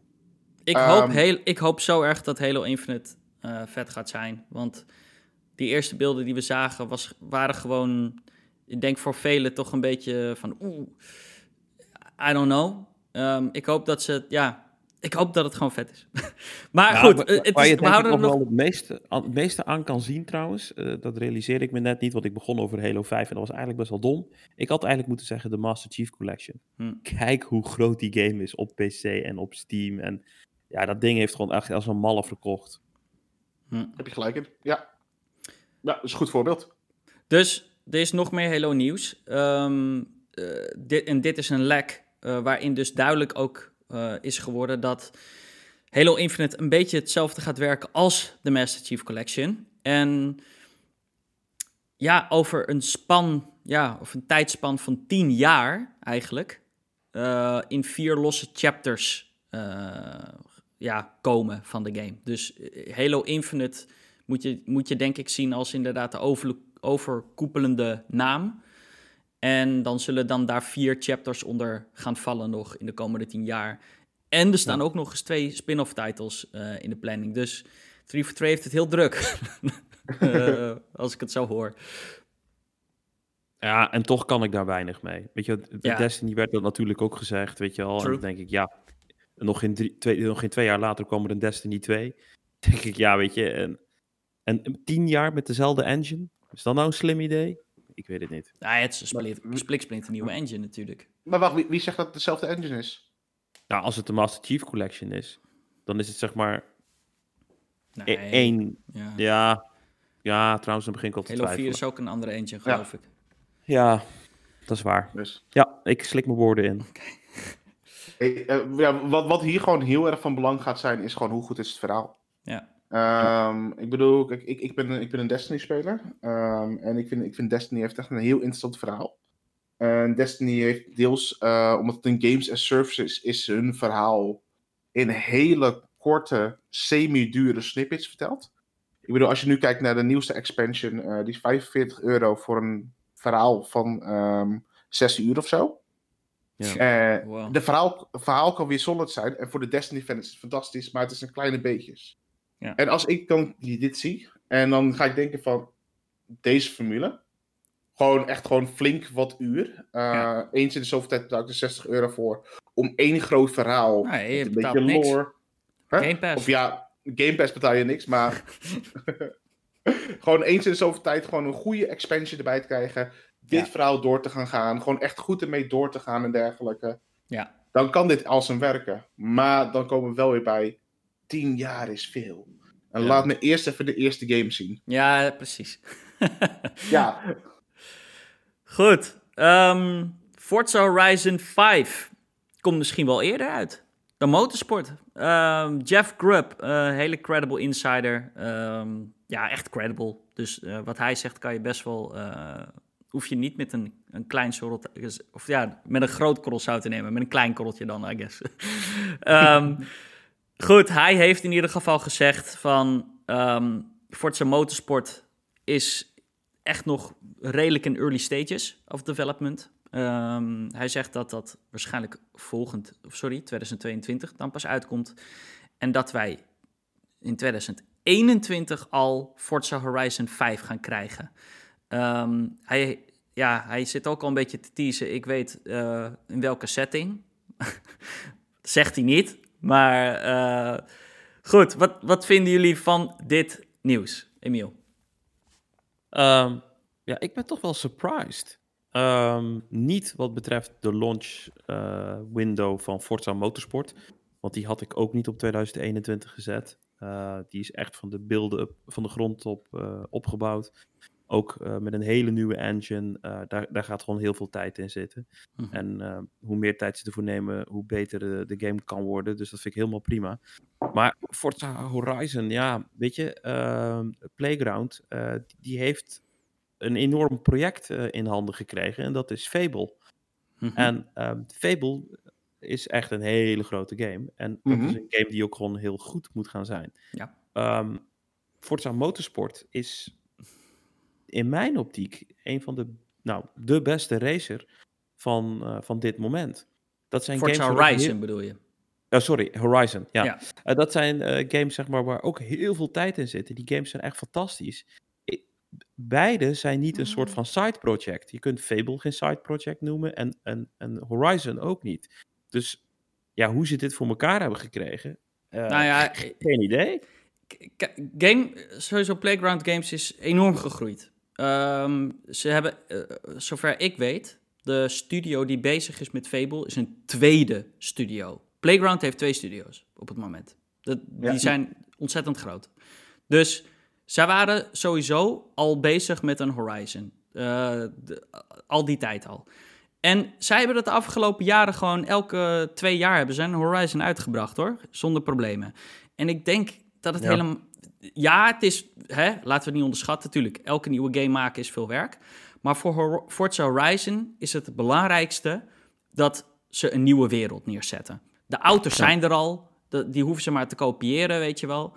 Ehm, en ik Ja, denk de dat formule is ook gewoon solid. Ja. de formule is solid. Ik hoop wel dat ze misschien toch iets een beetje aan die formule vernieuwen. Kijk, eh, je vraagt je dan ook af. Ze zijn eerst, wat is het? Eh, de af, eh, in deel eh, Horizon 2 was het helemaal of sorry, Horizon 3 was het van ja, je hebt nu day and night cycle en dat gaat regenen en shit. En in de afgelopen eh, deel 4 was het natuurlijk, eh, we hebben verschillende seizoenen. Wat kunnen ze nog met de Forza Horizon 5 doen, weet je wel? Eh, gaan we weer seizoenen krijgen? Ik vermoed het niet eigenlijk, maar... ehm, Nou, ik zou bijvoorbeeld wel de, de puddle-technologie van Forza Motorsport 7 terug willen zien. Of 6, 6 of 7. de puddeltechnologie? Wat? Ja, in de laatste... oh, de paddel. Ja, ja, ja, ja, ja. Dat is voor motorsport was dat meer. Ja, als ik dat in Horizon zou hebben, dat zou ik wel tof vinden. Ja, maar dat zijn echt technische dingen. Kijk, en ik denk, dit komt mij dus niet als een verrassing. Ehm, Forza Motorsport wordt van de ground up opnieuw gebouwd. Wat betekent ook dat al die auto's, al die car models worden opnieuw gemaakt. Dude. Helemaal van de ground up. En eh, ik zag toevallig, ik weet niet of jullie dat hebben gezien, vorige week was er een eh, documentaire van NoClip eh over Flight Simulator. En daarin vertellen ze hoe ze de interieuren en zo en hoe ze die airplanes zo ongelooflijk fotorealistisch hebben nagemaakt. En een van die guys die aan Flight Simulator werkt, die hintte al, ik weet niet of het zijn bedoeling was, maar hij zei, eh, Turn 10 is nu ook bezig mee, met deze technology om alle auto's eh, te renderen. Oh, en ze hebben letterlijk camera's die gewoon... Ja, het, het is gewoon zo sick. Een soort 3D-camera. En je richt hem gewoon naar de auto en het interieur. En alles tot in de kleinste details eh, klopt. Dus ik denk dat... Ja, dat kost gewoon heel veel tijd om al die auto's te maken. Mhm. Ja. Ze hebben ook gezegd een volledige nieuwe engine. Hè? Eh, Ja. De oude engine gaat eruit, nieuwe engine. En dan hebben we het ook over de physics, hoe de auto's reageren over de weg. Alles van eh, start. Forza Horizon is dat niet. Die gaat gewoon door op eh, Forza Horizon 4. Ja. En wat denken jullie qua setting? Q, Nou je Als, als, je, als, je, als je online kijkt, en wat ik misschien wel een logische stap is, is natuurlijk Japan. Ja. Wat ik hoop. Ik hoop En ik ook. weet, ik weet niet waarom. Ja. Eh, nee, oh nee, nee, sorry. Wat ik hoop, iets anders wat ik hoop. Oh, wat hoop je? Eh, Zuid-Amerika. Ik, ik, eh, Oh, Ja. Ja. eh, Chili, Argentinië, je kan, dat is natuurlijk heel divers, maar wel heel, heel warm natuurlijk, eh het klimaat. Eh, maar je kan daar vet in de bergen ingaan. Ik bedoel, je kan er echt langs de kusten gaan. Je kan er door de jungles heen gaan. En ik denk echt Woestijnen best misschien wel- zelfs. Woest, ja, dat soort dingen inderdaad. Ik denk echt wel dat jij, als je naar Zuid-Amerika toe gaat, je een hele vette, maar toch unieke game kan neerzetten. Ja, Ja. vind ik ook een leuke. Oh ja, ik heb zoveel locaties in mijn hoofd waarvan ik denk, die zijn allemaal tof. Weet je, IJsland zou ik ontzettend vet Ach, ja. vinden. Ja, dat Ja. hebben ze allemaal een beetje gedaan, moet ik zeggen. In DLC van Horizon 4 hebben ze al een beetje... eh, het is niet echt IJsland, maar het hint er wel naar. Ehm, ja, ik moet toch zeggen, ik vind Japan ook een wonderful match, hoor. Eh, Ja. En die geruchten, die gaan echt al jaren. Die ging, eh, sterker nog, eh, eh, deel 4 dachten mensen al dat het Japan Ja. zou worden. Ja. En ik denk Nou, eigenlijk dat misschien zelfs Playground gewoon luistert naar de fans. eh, en zegt Ja. van, ah, weet je, weet je wat, doen we toch ook gewoon lekker Japan. Ah, maar hoe gaaf zou het zijn om gewoon door Tokyo stad te racen? Ja, ik- kijk, ik denk dat daarmee is het wel, kunnen ze het wel een beetje anders maken, deze Forza Horizon. Want let's be real, eh, alle Forza Horizons hiervoor zijn best wel... Het zijn fantastische games, maar de landschappen zijn... eh, Ja, semi vind ik wel heel erg erg om te zeggen, maar ik ga toch zeggen semi. Als in, is, Wat? hè, wij, Wow. nou ja, nee, laat ik zeggen wijd landschap. Hè, veel heuvels en bergjes. En je hebt hier en daar een kleine, ja, echt een kleine dorp of stad, weet je wel. Het zijn letterlijk eh, misschien, eh, het is niet groter dan eh 15 straten. En ik denk wel, als zij inderdaad zeggen, we brengen het naar Tokio of zo, en we pakken daar nog wat gebergte bij, maar echt die stad meer, ja, weet ik veel, ik noem het maar even zo groot, ja, meer, meer realistisch groot maken, ehm, zou ik ook Ja. wel vet vinden. Meer street racing shit, bijvoorbeeld. Dan gaat het wel misschien iets een beetje meer de kant op van eh Need for Speed, maar... Ik kan het zeggen, is, het- is het dan nog wel Forza Horizon? Ja, dat vraag ik me ook af. Ik zou Maar- het leuk vinden kijk, maar... Als je het combineert, want Japan heeft inderdaad buiten Tokio en grote steden ook gewoon een hele, ja, hele Ja, open velden, hele open dingen en dergelijke. Ja. Eh, een heel interessant landschap.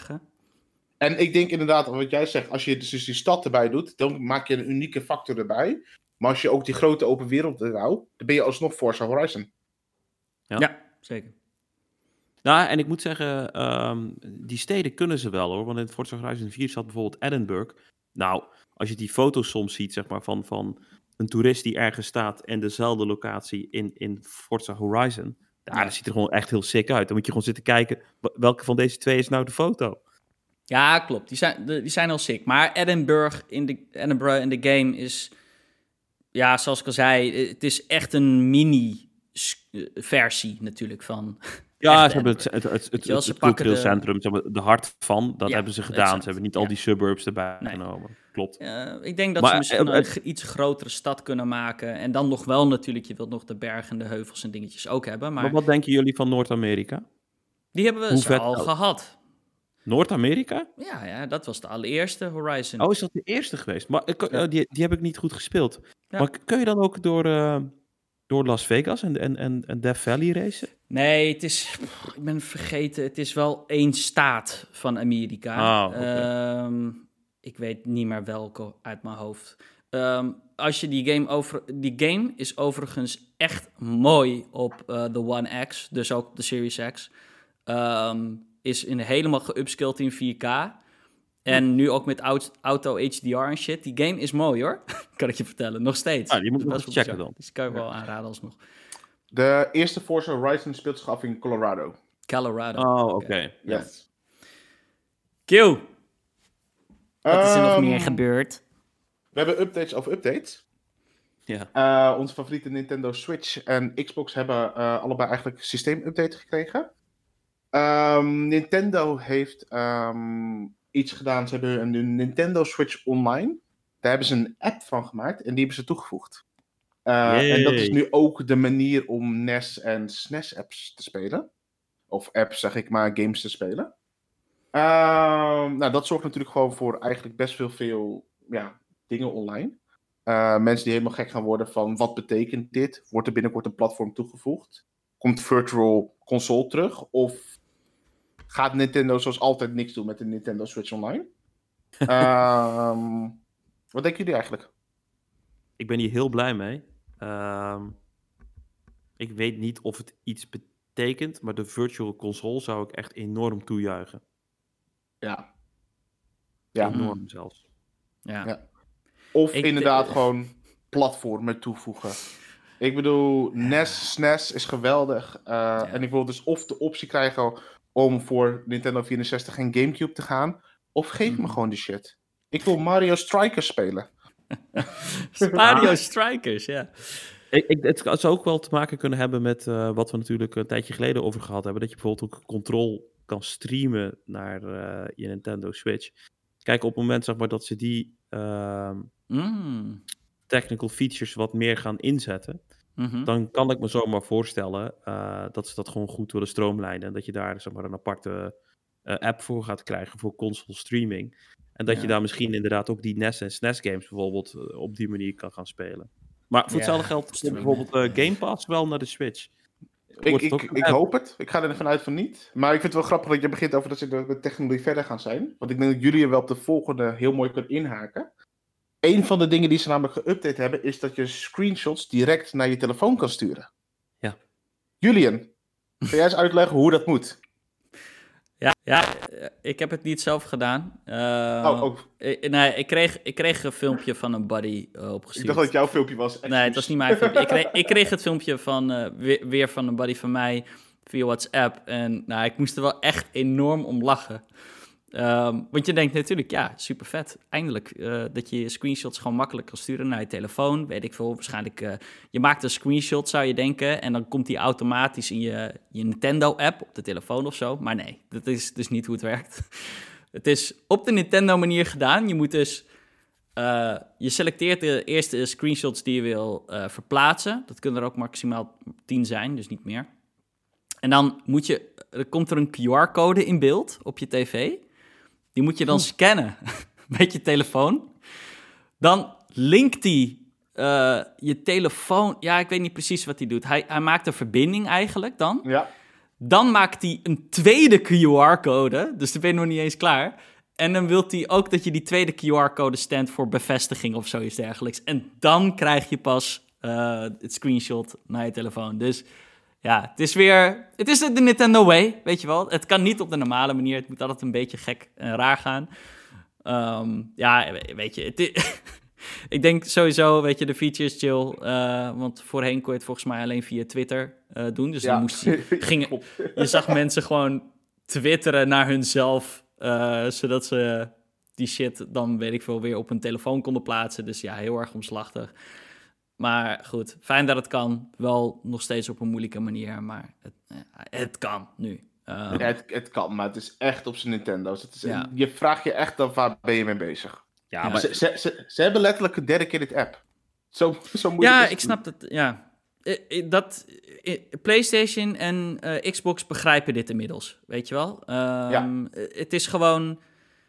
Die apps, overigens, zijn echt chill nu. Eh, die zijn natuurlijk ook vrij recent allemaal geüpdate. zo- Van zowel Ja. Xbox en PlayStation. En die zijn echt handig, weet je wel. Je hebt Ah, ja, zeker. op Xbox kan je dus. ehm, eh, we- oh ja, nou, we kunnen het er eh, over hebben. Die Xbox heeft dus ook een paar updates. Waaronder dat je dus via die app. kan je al eh, games die binnenkort op Game Pass komen. alvast downloaden. eh, naar, je, naar je Xbox of PC. En. Be- beter gezegd, ik heb vandaag, toen ik aan het eten was, heb ik Dragon Quest heb ik alvast aangezet. Ja, Dus, eh, want ik heb zoiets van, als ik geen next-gen console krijg eh, voor Cyberpunk, dan ga ik Dragon Quest spelen. Dus, Ja. En ik zag, ik zag het vandaag, ik zei, oh, dit is leuk. Ik heb, ik heb letterlijk die, dat vandaag heb ik het gedaan, coming soon, via mijn mobiel naar mijn Xbox zitten downloaden. Ja, super chill. En eh, met screenshots is precies hetzelfde. Werkt gewoon handig. Het is gewoon, je hoeft er niet eens om te vragen. Het is gewoon, je maakt nu de screenshot en het komt automatisch. Kan je het zien op de app. Weet je wel? Dat is wel Ja. echt waar, waar Xbox echt een, een punt voor heb hoor. Ik bedoel, bij PlayStation is het, iets, is het wordt daar makkelijker geworden. Maar PlayStation heeft het nog niet hoor. Dat eh, Oh. je je screenshots meteen naar de app kan doen. Je kan het uploaden naar een party. Via de party kan je het downloaden. Dus, dus het, is, het, is, het is nog steeds tussen aanhalingstekens simpel te doen. Ja. Maar dat van Xbox is gewoon top notch hoor, hoe ze dat geregeld hebben. Ja, maar het, is bij Nintendo ook echt gewoon een fucking cream gewoon, weet je wel. Eh, eh, Mijn dochter speelt heel veel op onze Switch. Dan heb je die knop om dat screenshotje te maken. Hoe, hoe vaak zij al per ongeluk die knop heeft ingeklikt, is gewoon insane, weet je wel. Dus Moet je één die keer hele galerij. Ja, nee, maar, ja, maar dat is het, hè. Dus dan zit je in die galerij en dan denk je... Oh, Ja. 987 screenshots. Maximaal 1000. dus ik denk, nou, ik zal eens even gaan schoonmaken, weet je. Maar dan is het echt op zijn fucking Nintendo's moet je ze selecteren. één. Één voor één. Oh er is niet een knop select all. Nee, dan denk ik echt, nee. ah, Nintendo, kom op man.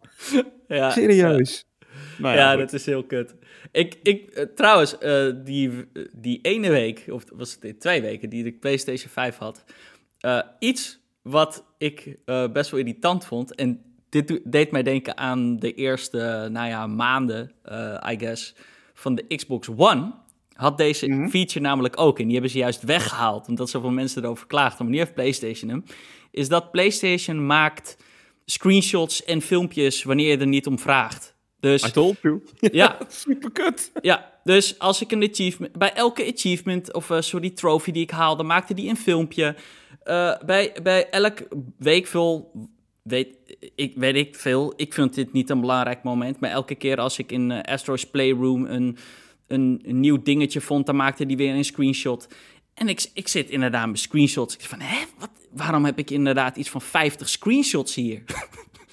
Dat neemt ook natuurlijk gewoon harde schijfruimte in beslag. Ja, allemaal, allemaal deleten, weet je wel. Ja. Dus ja, ik hoop dat je dat uit kan zetten. Ik kon het niet vinden in ieder geval. Misschien kan, het misschien kan je het uitzetten hoor. Eh, Is maar... dat, eh, dat, is dat activities, toch? Dat is toch nee, dat dit is niet activities. Dit is gewoon... eh, de PlayStation maakt gewoon graag... ja, fragment. eh, Of ja, Ah, jongen, ik werd veel. bij Xbox er helemaal fucking chagrijnig Bij van. elk doelpunt in FIFA was het. Ja. toch? Ja. Oh, kopbal. kopbal. Oh, dat is bijzonder. Opgenomen. Ja. Ja, dat was zo kut, ja. Heel kut, ja. Dus nou ja, goed. ehm, eh, ja, het, het moet allemaal een beetje nog. eh, eh, het moet, ja, dat moeten ze gewoon een beetje updaten, I guess. Maar Ehm. verder zaten er wel wat quality of life dingetjes in die up- upgrade van eh, Xbox. Ze hadden dan ehm, ehm, dat je nu kan filteren op games die enhanced zijn voor de Xbox X en S. Eh, Ja. Daar kon je al heel goed zien, maar nu kun je ook gewoon eh, erop filteren. Ja. Eh, en als je een next-gen console hebt, is dat wel op zich wel nice. Dan kun je gericht gaan naar, oké, welke games zien er nu gewoon beter uit.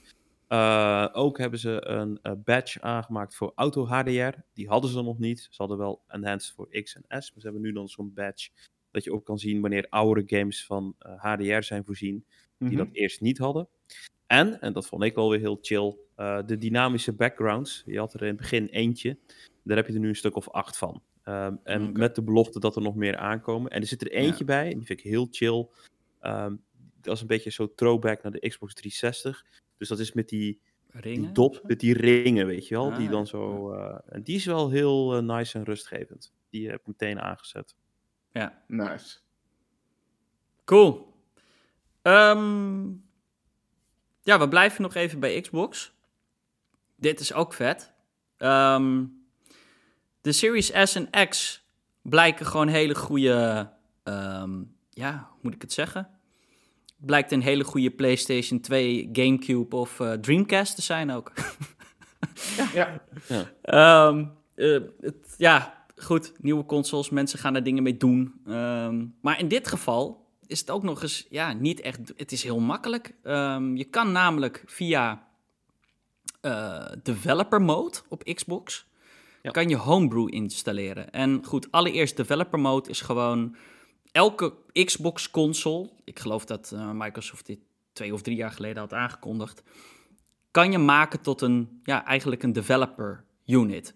En ehm, goed, logisch, eh, het is eigenlijk bedoeld om er dus met games mee te maken, maar je kan er ook gewoon dus homebrew op installeren. En dan kan je vervolgens, weet ik veel, PlayStation 1 emulator installeren, 2...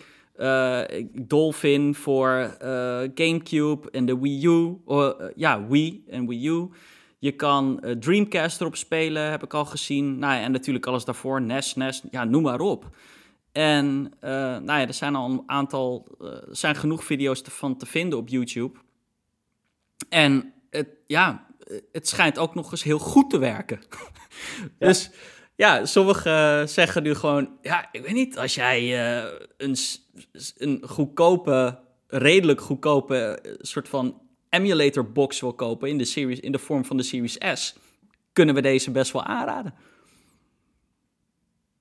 Ja, eh, ik, maar wat ik heel raar vind, waarom heeft Microsoft hier niet zo hier en daar iets over gezegd? Want hoe vet is dit? Ja, het is... Ja, ik weet Kijk, niet. de, de, de, de- het punt is... ehm, eigenlijk is alles legaal eraan. Ehm, en je moet legale ROMs hebben. Ja. En de mogelijkheid om legale ROMs te hebben...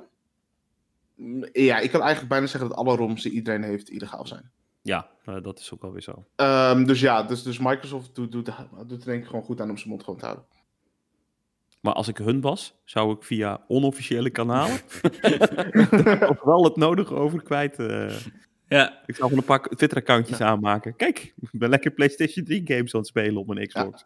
Wat ik voor mijzelf hier heel interessant aan vind. ehm, niet per se de Series S of de Series X. Maar de development mode werkt ook dus op een One. Ja. En dus ook de One S en de One X. Mhm. Ik zelf heb hier nog een One S liggen. Ehm, en op een gegeven moment is mijn plan om hier ook een Series X te krijgen. Ja. Wat, wat ga ik met die One S doen? Ik bedoel, zoveel geld ga ik er niet meer voor krijgen.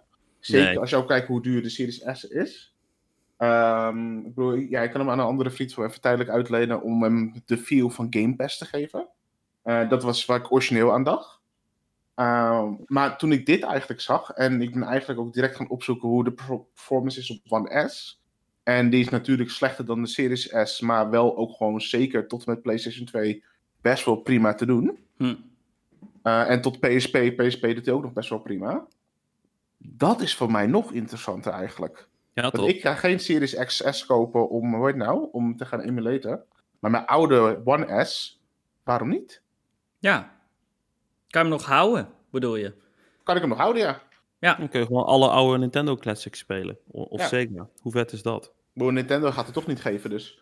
Ja, het, is, het is eigenlijk wel grappig dat eh, de Xbox dus backwards compatible is met de PlayStation 2, maar de PlayStation 5 niet. Ehm, ergens Ja. vind ik dat wel geinig. Maar ja, goed, ik weet niet. Ik denk dat ik het ook wel misschien eh, wil doen met de One X. Eh, het kost overigens wel 20 euro. Dan moet ik even uitleggen. Die development mode kost 20 euro. Ja. Eh, maar goed, dat is een eenmalig bedrag. En dan kan je er eenmaal ja, je homebrew en alles mee doen. Je kan de games ook gewoon van een external hard drive spelen. Dus die hoeven niet op die internal snelle SSD te staan. Eh, sterker nog, eh, ze hebben het getest op YouTube. En dat schijnt ook helemaal geen voordelen te bieden. Ze, ja, dat gebruikt het gewoon niet. Dus ja, ik zou zeggen... Doe het gewoon lekker.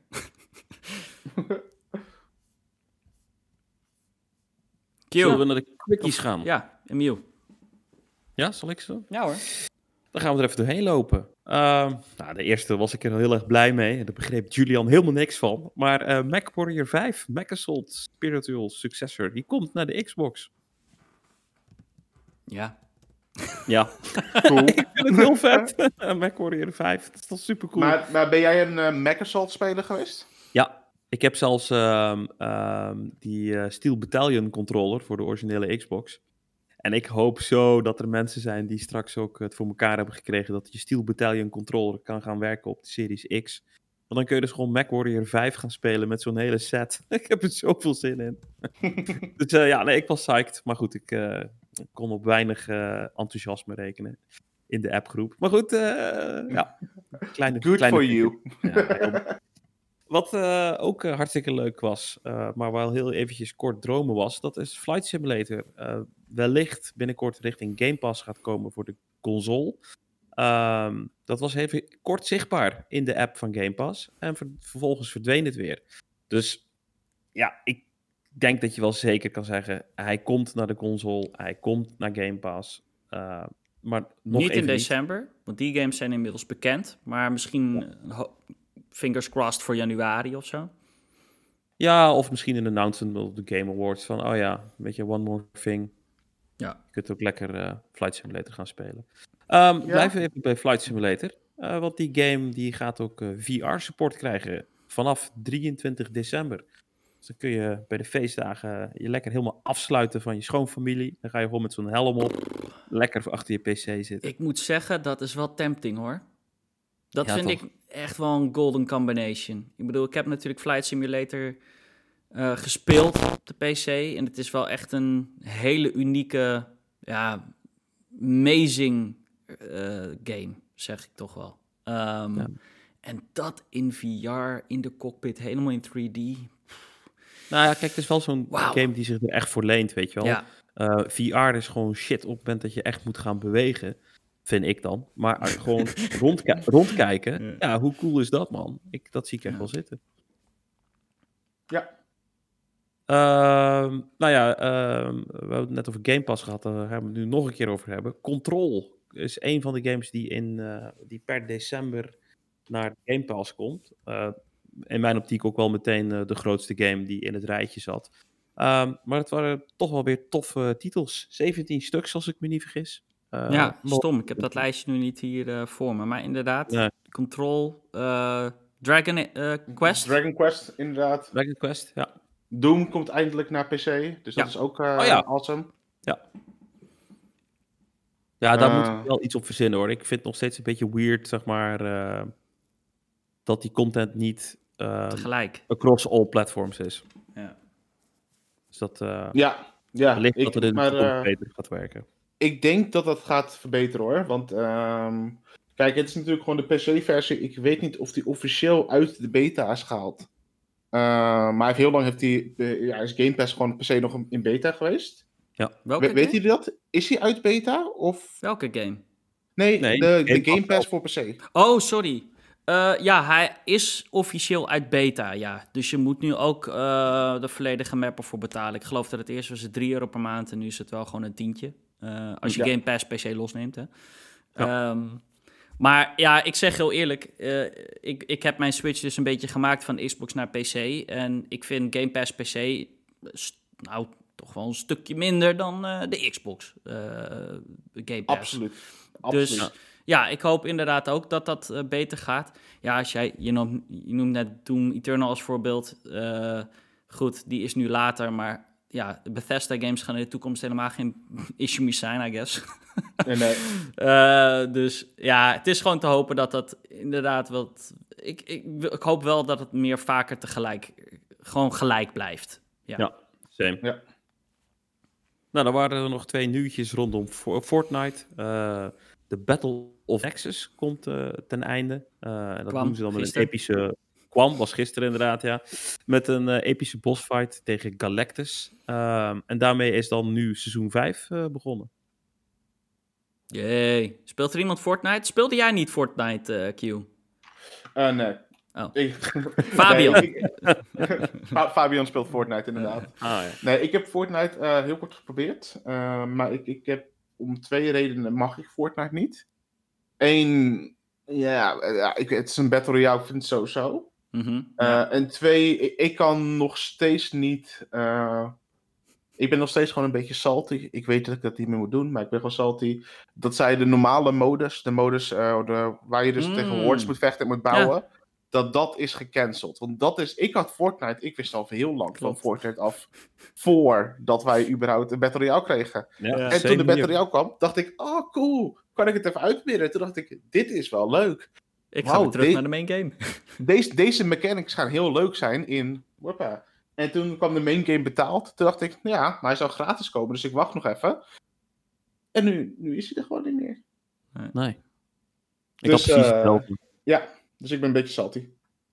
Nou ja, en dan ehm, eh, hebben ze, om dat te vieren, eh, via het officiële eh, PlayStation-kanaal eh, ook eh, bekendgemaakt dat eh, Fortnite de skin van Kratos gaat krijgen. Dus eh, tegen betaling eh, kan je poppetje eruit zien als, eh, als Kratos.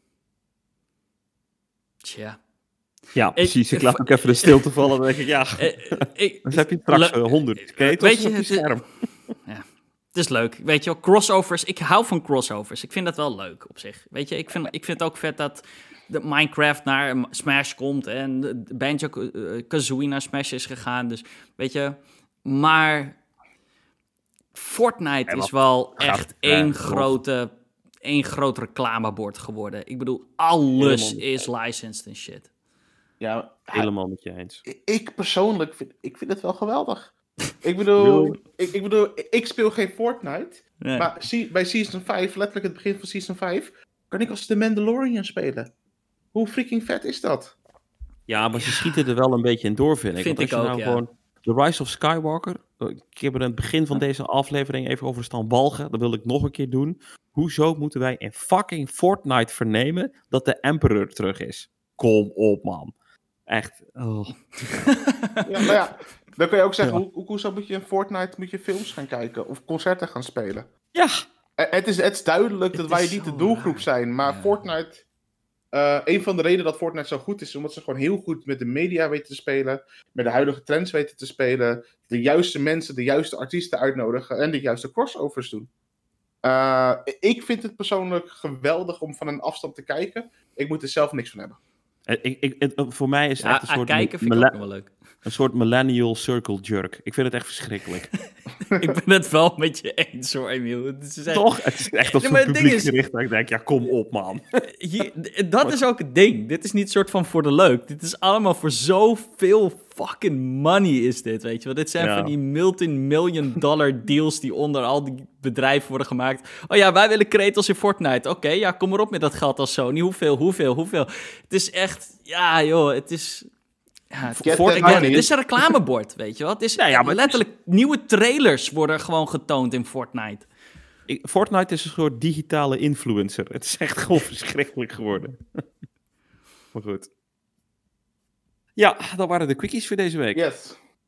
Releases dan. Eh 3 december, Immortal Phoenix Rising. Eh, voorheen bekend als eh, Gods and Masters. Volgens mij hadden we die al eerder, maar hij komt eigenlijk dus morgen uit.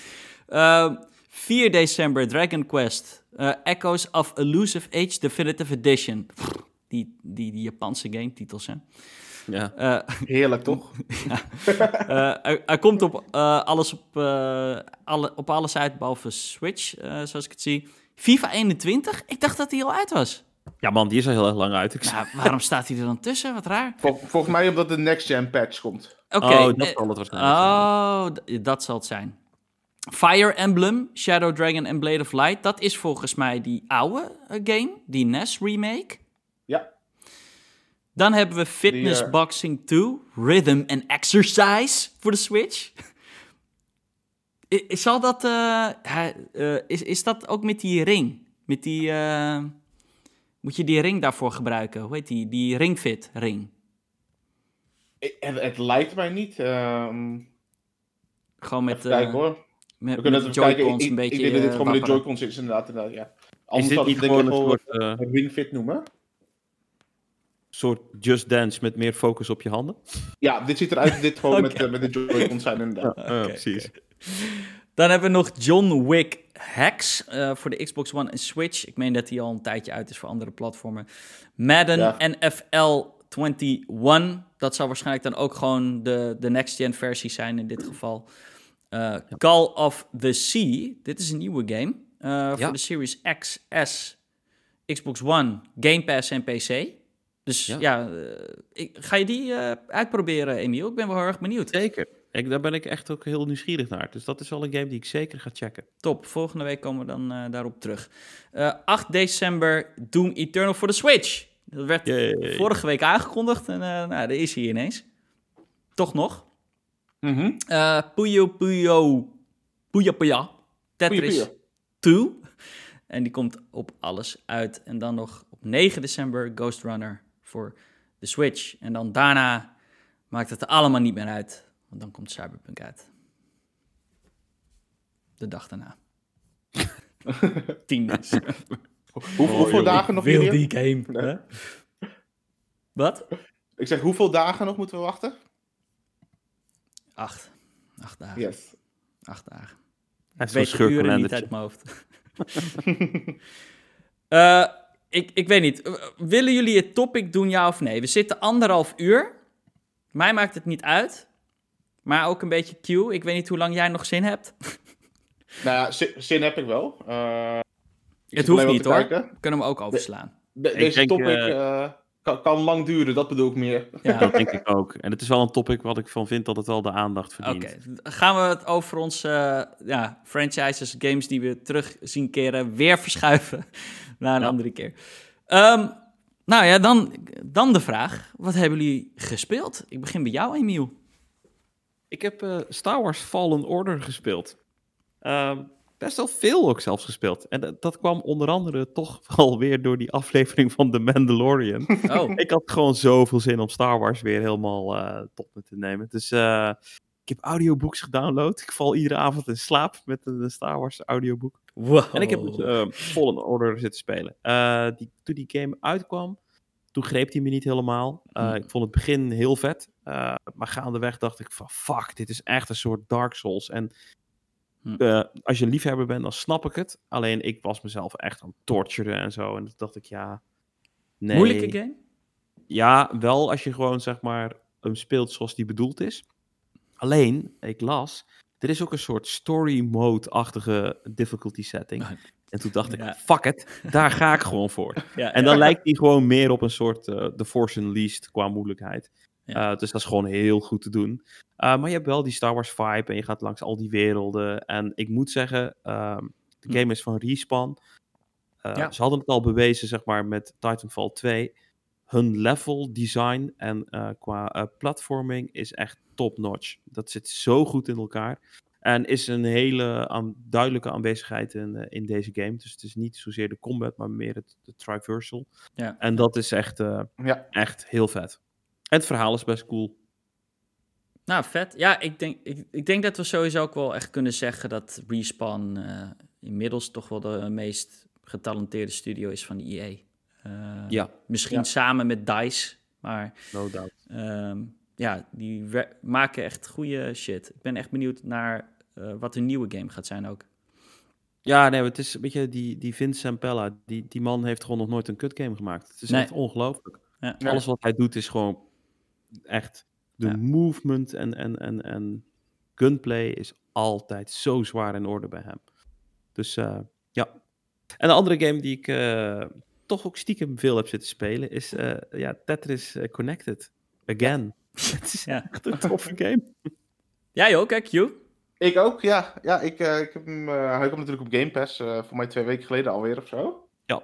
Eh jemig, wat is dat voor awesome game zeg. Het is gewoon, je wordt er hyped van, maar ook heel relaxed, maar ook heel awesome. Het is leuk, ik, ik had er laatst met mijn licht uit ging even spelen, omdat gewoon, nou, ik heb hier zo'n mooie OLED tv. En ehm, ook al heb ik een One S, het Tetris Connect op een One S met HDR is nog steeds fantastisch. Hoe Ja. het eruit ziet. Ik, weet Ja. niet of het, of het er beter kan uitzien op een andere console. Eh, eh, het is echt gewoon een hele gruwelijke game. En ook gewoon, en het is een beetje bragging. Ik ben verbaasd hoe goed ik ben in Tetris. Echt, het is echt... eh, Wauw, ik ben jaloers, man. Ik, eh, ik zeg maar, alles boven speed level 10 eh, is eh, voor mij game over. Ja, maar het is ook de, de muziek is ook gewoon zo goed, weet je wel. En, en, en die, die bas die erin zit in die nummers en zo. En hoe die nummers aanzwellen met hoe verder je in dat ja, level dat is komt. zeker goed gedaan. Maar hoe, hoe, Echt, wat, wat, echt hoe, snel kan gewoon- jij, Q? hm? Die speed level, links. Ik, wou- ik, wou net beeld. zeggen, ik bedoel, bij 12 heb ik op een gegeven moment wel problemen te krijgen hoor. Dus Oh, misschien ben ik niet zo goed als ik dacht. Oké. Ja, maar dat is het ding. Eh, ik heb, je hebt ehm, beginner mode. Je hebt verschillende difficulties waar je dan mee Ja. begint. En dan kan je die strenge unlocken. En, eh, maar uiteindelijk moet je switchen van difficulty. En dan, dat verschil is groot hoor. Dat is echt... ehm, ik, bij beginner kom ik gewoon ook nu ook gewoon niet verder op een gegeven moment. Want dan gaat die... Ja, dat level gaat gewoon, gewoon op een gegeven moment sneller dan eh 10. En Mhm. Ja. Boven de 10 is dat voor mij gewoon niet meer te doen. Joh. Het is gewoon, wat gebeurt hier? Uh, boven de 10 moet je gewoon zorgen dat je basis, je onderkant goed staat. Anders ben je fucked. Ja, ja, nee, die staat wel altijd goed. Maar, ja, dan Nee, maar die gasten die ook dan zo'n continuous play doen, zeg maar. Dat je dus zeg maar al die levels afgaat in één Ja. en dezelfde beeld. Ja, dat is nice. Dude, weet je wel, dat is echt zo vet als mensen dat lukt. Maar zo pittig. Maar echt, echt een hele toffe game. Ja. Heb, eh, Q, Q, he- heb jij een, ehm, een 360 met Kinect gehad? Of heb je Nee. die nog? Nee. Jammer. Want deze game doet mij zo denken aan Child of Eden. Eh, ook qua sound en en visuals. Die, die game moet je maar eens YouTuben. Als je Tetris Connected dikt, dan is Child, Child of ook- Eden, oké. ook heel erg vet. Ja. Wat ik ook het laatste voor mij voor over Tetris Connected, wat ik echt geweldig vind en wat ik gewoon eigenlijk blijf zeggen. Ik vind het zo vet als je je blokje beweegt hoe erg dat bij de muziek past. Ja. Gewoon, gewoon dat, dat in het begin, toen ik begon met spelen, had ik niet door dat het geluidje dat het, dat het was. Omdat het zo goed paste erbij. Ja. Tot ik op een gegeven moment zo zat van... Wacht eens even. Wacht eens even. Zo, en toen ging ik spelen en of ik zachtjes heen en weer tikte of heel snel. Het paste er gewoon bij. Het Ja. is gewoon, ik, ik ben daar gewoon... Ik weet dat alles impressive is, maar daar zit ik zoveel mee te spelen. Om gewoon mijn deukjes mee te maken en dan drop ik weer mijn blokje. Ja, precies. Ik zei het vorige week ook al tegen Emiel. Die combinatie van eh, music, games en puzzel werkt zo goed. het is een soort, eh, ja, een hele Ja, maar fijne combo. Het toont ook maar weer eens aan zeg maar, hoe fucking tijdloos gewoon Tetris eigenlijk is. Hè. Ja, Tetris Maar Never echt. Dies. Het is het, misschien is Tetris gewoon de beste game ooit. Toch? Ik bedoel, dat, dat we dat nu nog zitten te spelen. Er is geen ene andere game toch waar we, die we al zo lang in ons leven hebben? Nee, ik denk het niet. Nee, Ehm, maar misschien moeten ook andere games de kans krijgen. Want Tetris was natuurlijk wel gewoon heel vroeg. Heel goed. Ja.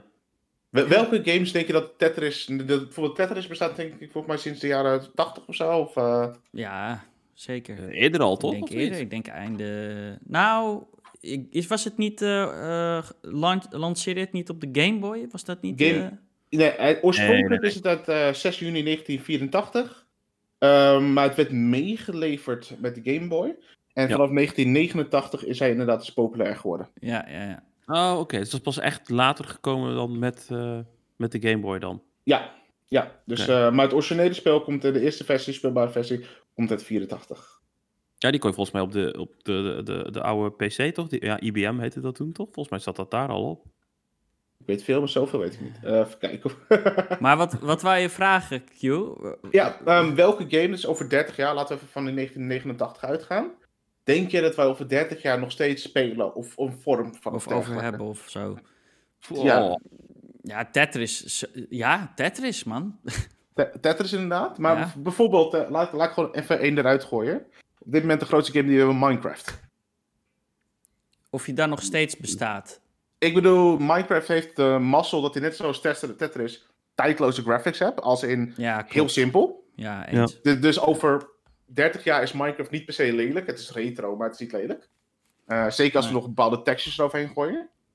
Ik denk dat we Minecraft over zoveel jaar best wel zo goed zouden kunnen spelen. True. Ja, ik ben het wel mee eens. Ik denk dat die game ook tijdloos is, inderdaad. Eh, het is ook creation, weet je wel? Het is... Ja. Het is ja, het, is anders. Ehm, eh, het is inderdaad niet een game die oud wordt. Je kan het gewoon altijd spelen. Het is ook voor alle leeftijden.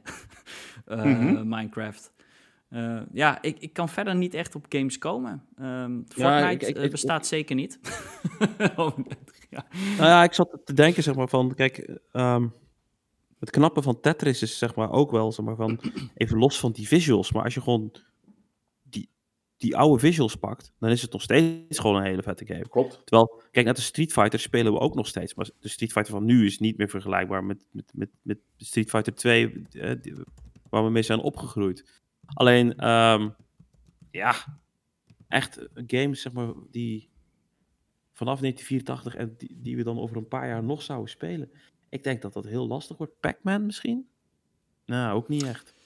Ah, weet je, ik, ik, ik weet niet of jullie wel eens... ehm, ja, nu zeker niet. Maar eh Pac-Man vind je nog wel eens in arcades.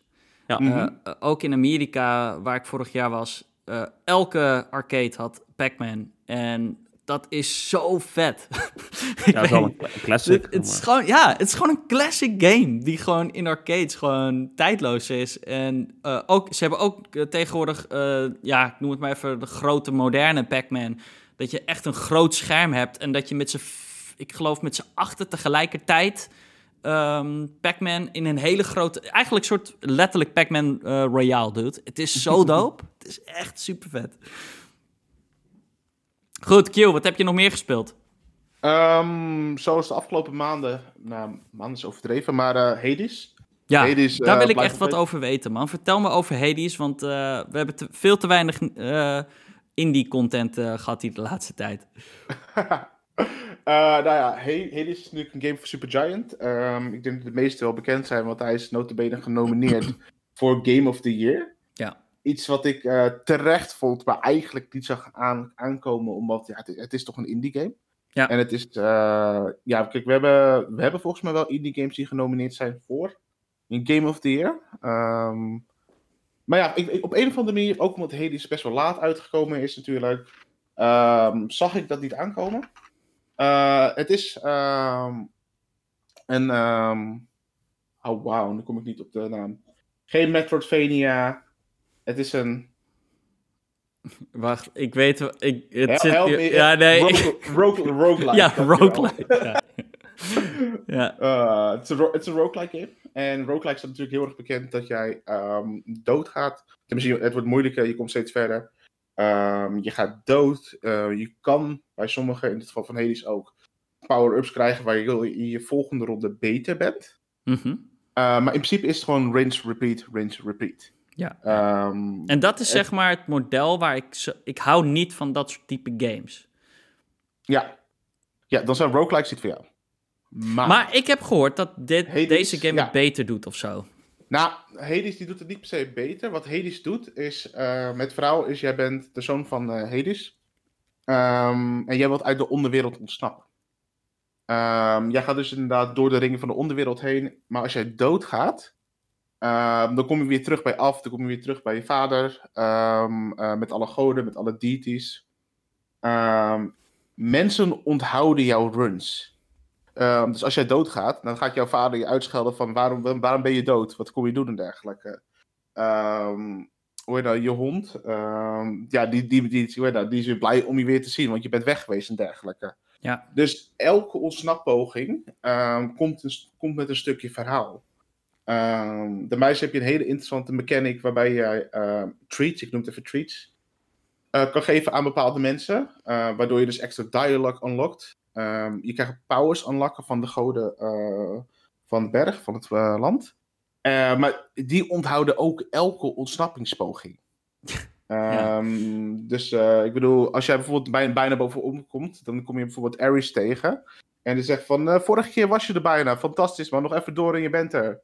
Eh, en dat dus, nu zeg ik een hele simpele eh, ding, maar het gaat best wel diep. Er zit echt wel een verhaal achter. Ja. Ehm, en als je het spel uitspelt, ik, ik ga niet heel veel zeggen, eh, want ik wil niet zeggen, maar dat, dan, dan heb jij de game, heb, heb je het verhaal niet uitgespeeld. Ehm, er is iets wat, waardoor je de game nog ja, een keer ja, moet gaan ja, spelen. Ja, precies. Ik, ik En het moet is terug. zo ik krijg flashbacks geweldig. naar, hoe heet die andere game? Nier Automata.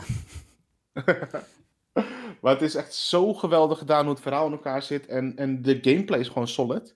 Dat is natuurlijk een van de belangrijkste dingen bij zo'n roguelike. Van, Ja, je speelt eigenlijk gewoon telkens opnieuw. Het zijn niet dezelfde levels, levels maar natuurlijk gewoon eh, procedural generated. Maar ehm, ja, ik, ik, hou, ik hou van deze game. Het werkt gewoon goed. Ik heb, eh, in het Is begin dit voor jou een echt- Game of the Year? Ja, Echt? ja, het, het- nou ja, we- wel in de conversation, absoluut. Oké. Absoluut, ja. Daarom ook, ik, ik was verrast, maar ik was aangenaam verrast. Nou, geef ons nog eentje, Q. Game of the Year? Of, eh, nee, als in een game die je nog wat- hebt gespeeld. Wat, ik wou net zeggen, gaan we dit starten? Nee. Eh, ik ben eh, weer opnieuw terug bij Pro Evolution Soccer. Ik, ik had het net al over, ik ben echt een FIFA-speler. Dit is het eerste jaar dat ik geen FIFA heb gehaald. Het heeft ook mee te maken dat ik Pro Evolution Soccer vorig jaar eh, voor 5 euro heb gehaald, gehaald. Ik geniet er gewoon van, man. Ik bedoel, ik weet sportgames die voor iedereen zijn. Ik geniet Ja. ervan. Ehm, Destiny. Ik, eh, mijn vrienden en ik zijn langzamerhand gaan we Destiny weer oppakken. Nog niet met de uitbreiding. We gaan even wachten of het nog de 45 euro waard is. Maar Destiny heeft gewoon een solid gameplay. Het heeft een geweldige sfeer. Ehm, dus ik, ja, we zijn deze week zijn we weer begonnen. Je hebt Dus een ik, clan, eh, soort van? ja. Oké, ja. En ehm hoe heet het nou? eh, de laatste zijn Black Friday deals. Dreams en Risk of Range 2. En die heb ik gewoon even gespeeld. Het zijn hele leuke games. Maar eh, Dreams, even spelen. Eerst even door twee, drie uur tutorial. of Nou, eh, je ging level spelen dan? level spelen, ja. Oh, ja wat, ik, ja. eh, wat Dreams voor mij heel erg is. ehm, is ehm, je kent wel dat je vroeger naar spelen.nl ging. Naar funny games en dergelijke. Ja. Eh, waar je een Ja. heel groot assortiment hebt met games. Bij lange na is niet alles even leuk, maar het is vermakelijk. Je klikt een game, je speelt hem even, die je echt leuk vindt, die sla je op. Ja. En anders kijk je er niet naar om. En het is echt, eh, ja, ik- het is een soort van YouTube spelen.nl-achtige, maar dan met games en art pro- projects. Wat ik, ja, het is zo jammer. Kijk, Dreams is, niemand heeft het er al meer over, lijkt het wel. Het is al, het lijkt al dood. En ja, ik, eh, ik vind het wel jammer. Die, die game is letterlijk zeven jaar in ontwikkeling geweest. En Mm. Ehm, Zo'n game als Dreams kan alleen leven als er content en mensen dat spelen natuurlijk. En levels worden gemaakt. Dus ja, ik, ik, ik zeg nog steeds, dit is nou echt zo'n typische game die ze eigenlijk gewoon moeten poorten naar PC. Ehm, want creation is ook heel erg moeilijk met de controller en met... eh, ik geloof dat je ook de move controllers kan gebruiken, maar let's be real, dit wil je eigenlijk gewoon met muis en toetsenbord eh, doen. Ja. Ehm, Ja. Dus ja, ik hoop, Ja. Dat, ik hoop dat ze dit toch eh, ooit misschien nog poorten naar PC. Ik geef je een hele kleine kans. Ik, ik, ik, toen die game uitkwam, eh, mensen waren heel erg enthousiast eh, in de reviews. Maar ik dacht echt bij mezelf, ja, dit wordt weer gewoon zo'n nieuwe Project Spark, weet je wel. Ja, Het, is, het concept is leuk en als het... Het is een soort Mario Maker 10.0, zullen we maar zeggen. Ja. Alleen het is gewoon, ja, weet je... eh, het, Ja, je de game is wel zo goed als de veel content die uitkomt. ermee hoor. Het is wel echt Ja. een soort... Ja, ik bedoel, Maar als je, je, een paar van die als je- je- ziet. Ja, La- als je, als je games wil maken, Ja, dan doe je Eh, het niet in ik- Dreams. Ja. Maar kijk, hoe, hoe makkelijk is Unity? Iedereen kan games maken in Unity. Dus ja, Ja. je hebt dit niet nodig. Weet je, wel? het is misschien een hele leuke eerste stap. Maar ja, als je die stap hebt gemaakt, dan stap je over naar Unity. Dus iedereen gaat Misschien... weer weg. Ik, ik denk dat je... Misschien zit Dreams net in die ongemakkelijke... Inderdaad, het is te moeilijk voor...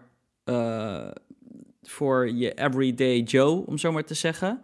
En Ja. het is weer te simpel voor mensen die daadwerkelijk een game willen maken. Het zit net in die gray area.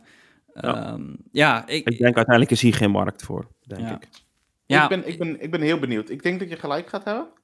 Ehm, en ik wil ook zeggen, ik heb hem alleen maar ik heb hem Dreams, ik volg het vanaf dag 1. Eh, en ik heb hem eigenlijk alleen maar gehad een Black Friday voor 20 euro. Meer wou ik er niet voor betalen. nee, Ehm, alleen wat je wel heel erg ziet, is gewoon dat eh, hij is nu officieel een drie kwart jaar uit. De creations worden wel echt met de maand beter. Ja, ja. Ehm, en het is echt gewoon, ik bedoel, ja, er zit echt wel wat crap tussen. En er zitten ook echt wat hele leuke, hele grappige dingen tussen. Maar langzamerhand komen de eerste echt legit games er wel uit. Ehm, ik ben heel benieuwd wat, wat Media Molecule hiermee gaat doen. Ik ben heel benieuwd, Ja. want het is leuk dat je het in Dreams kan spelen. Maar net wat jullie zeggen, van als jij eh, uiteindelijk hier echt een vette game mee kan maken en dergelijke. Op een Mhm. gegeven moment denk je van, ik abandon deze game in Dreams. Want ik kan hier geen geld mee verdienen en dergelijke. Ik kan hier alleen een like mee krijgen. Ehm, Ja. En ik ga verder. Dus als Media Molecule op een of andere manier een... dat je een games kan verkopen of zo? bedoel je? ja, nou, ik denk eerder een tips, een tipservice. Ja, ja, Eh, ja. Dus wel dat de content wel gewoon gratis blijft. Dat is een van de redenen dat Dream zo awesome is. Is ik kan alles spelen. Ja, natuurlijk. Maar Ja. als ik de mogelijkheid kan krijgen om via Dreams, dus niet via hun eigen PayPal, via hun eigen Twitter, maar echt via Dreams te kunnen doneren aan deze mensen.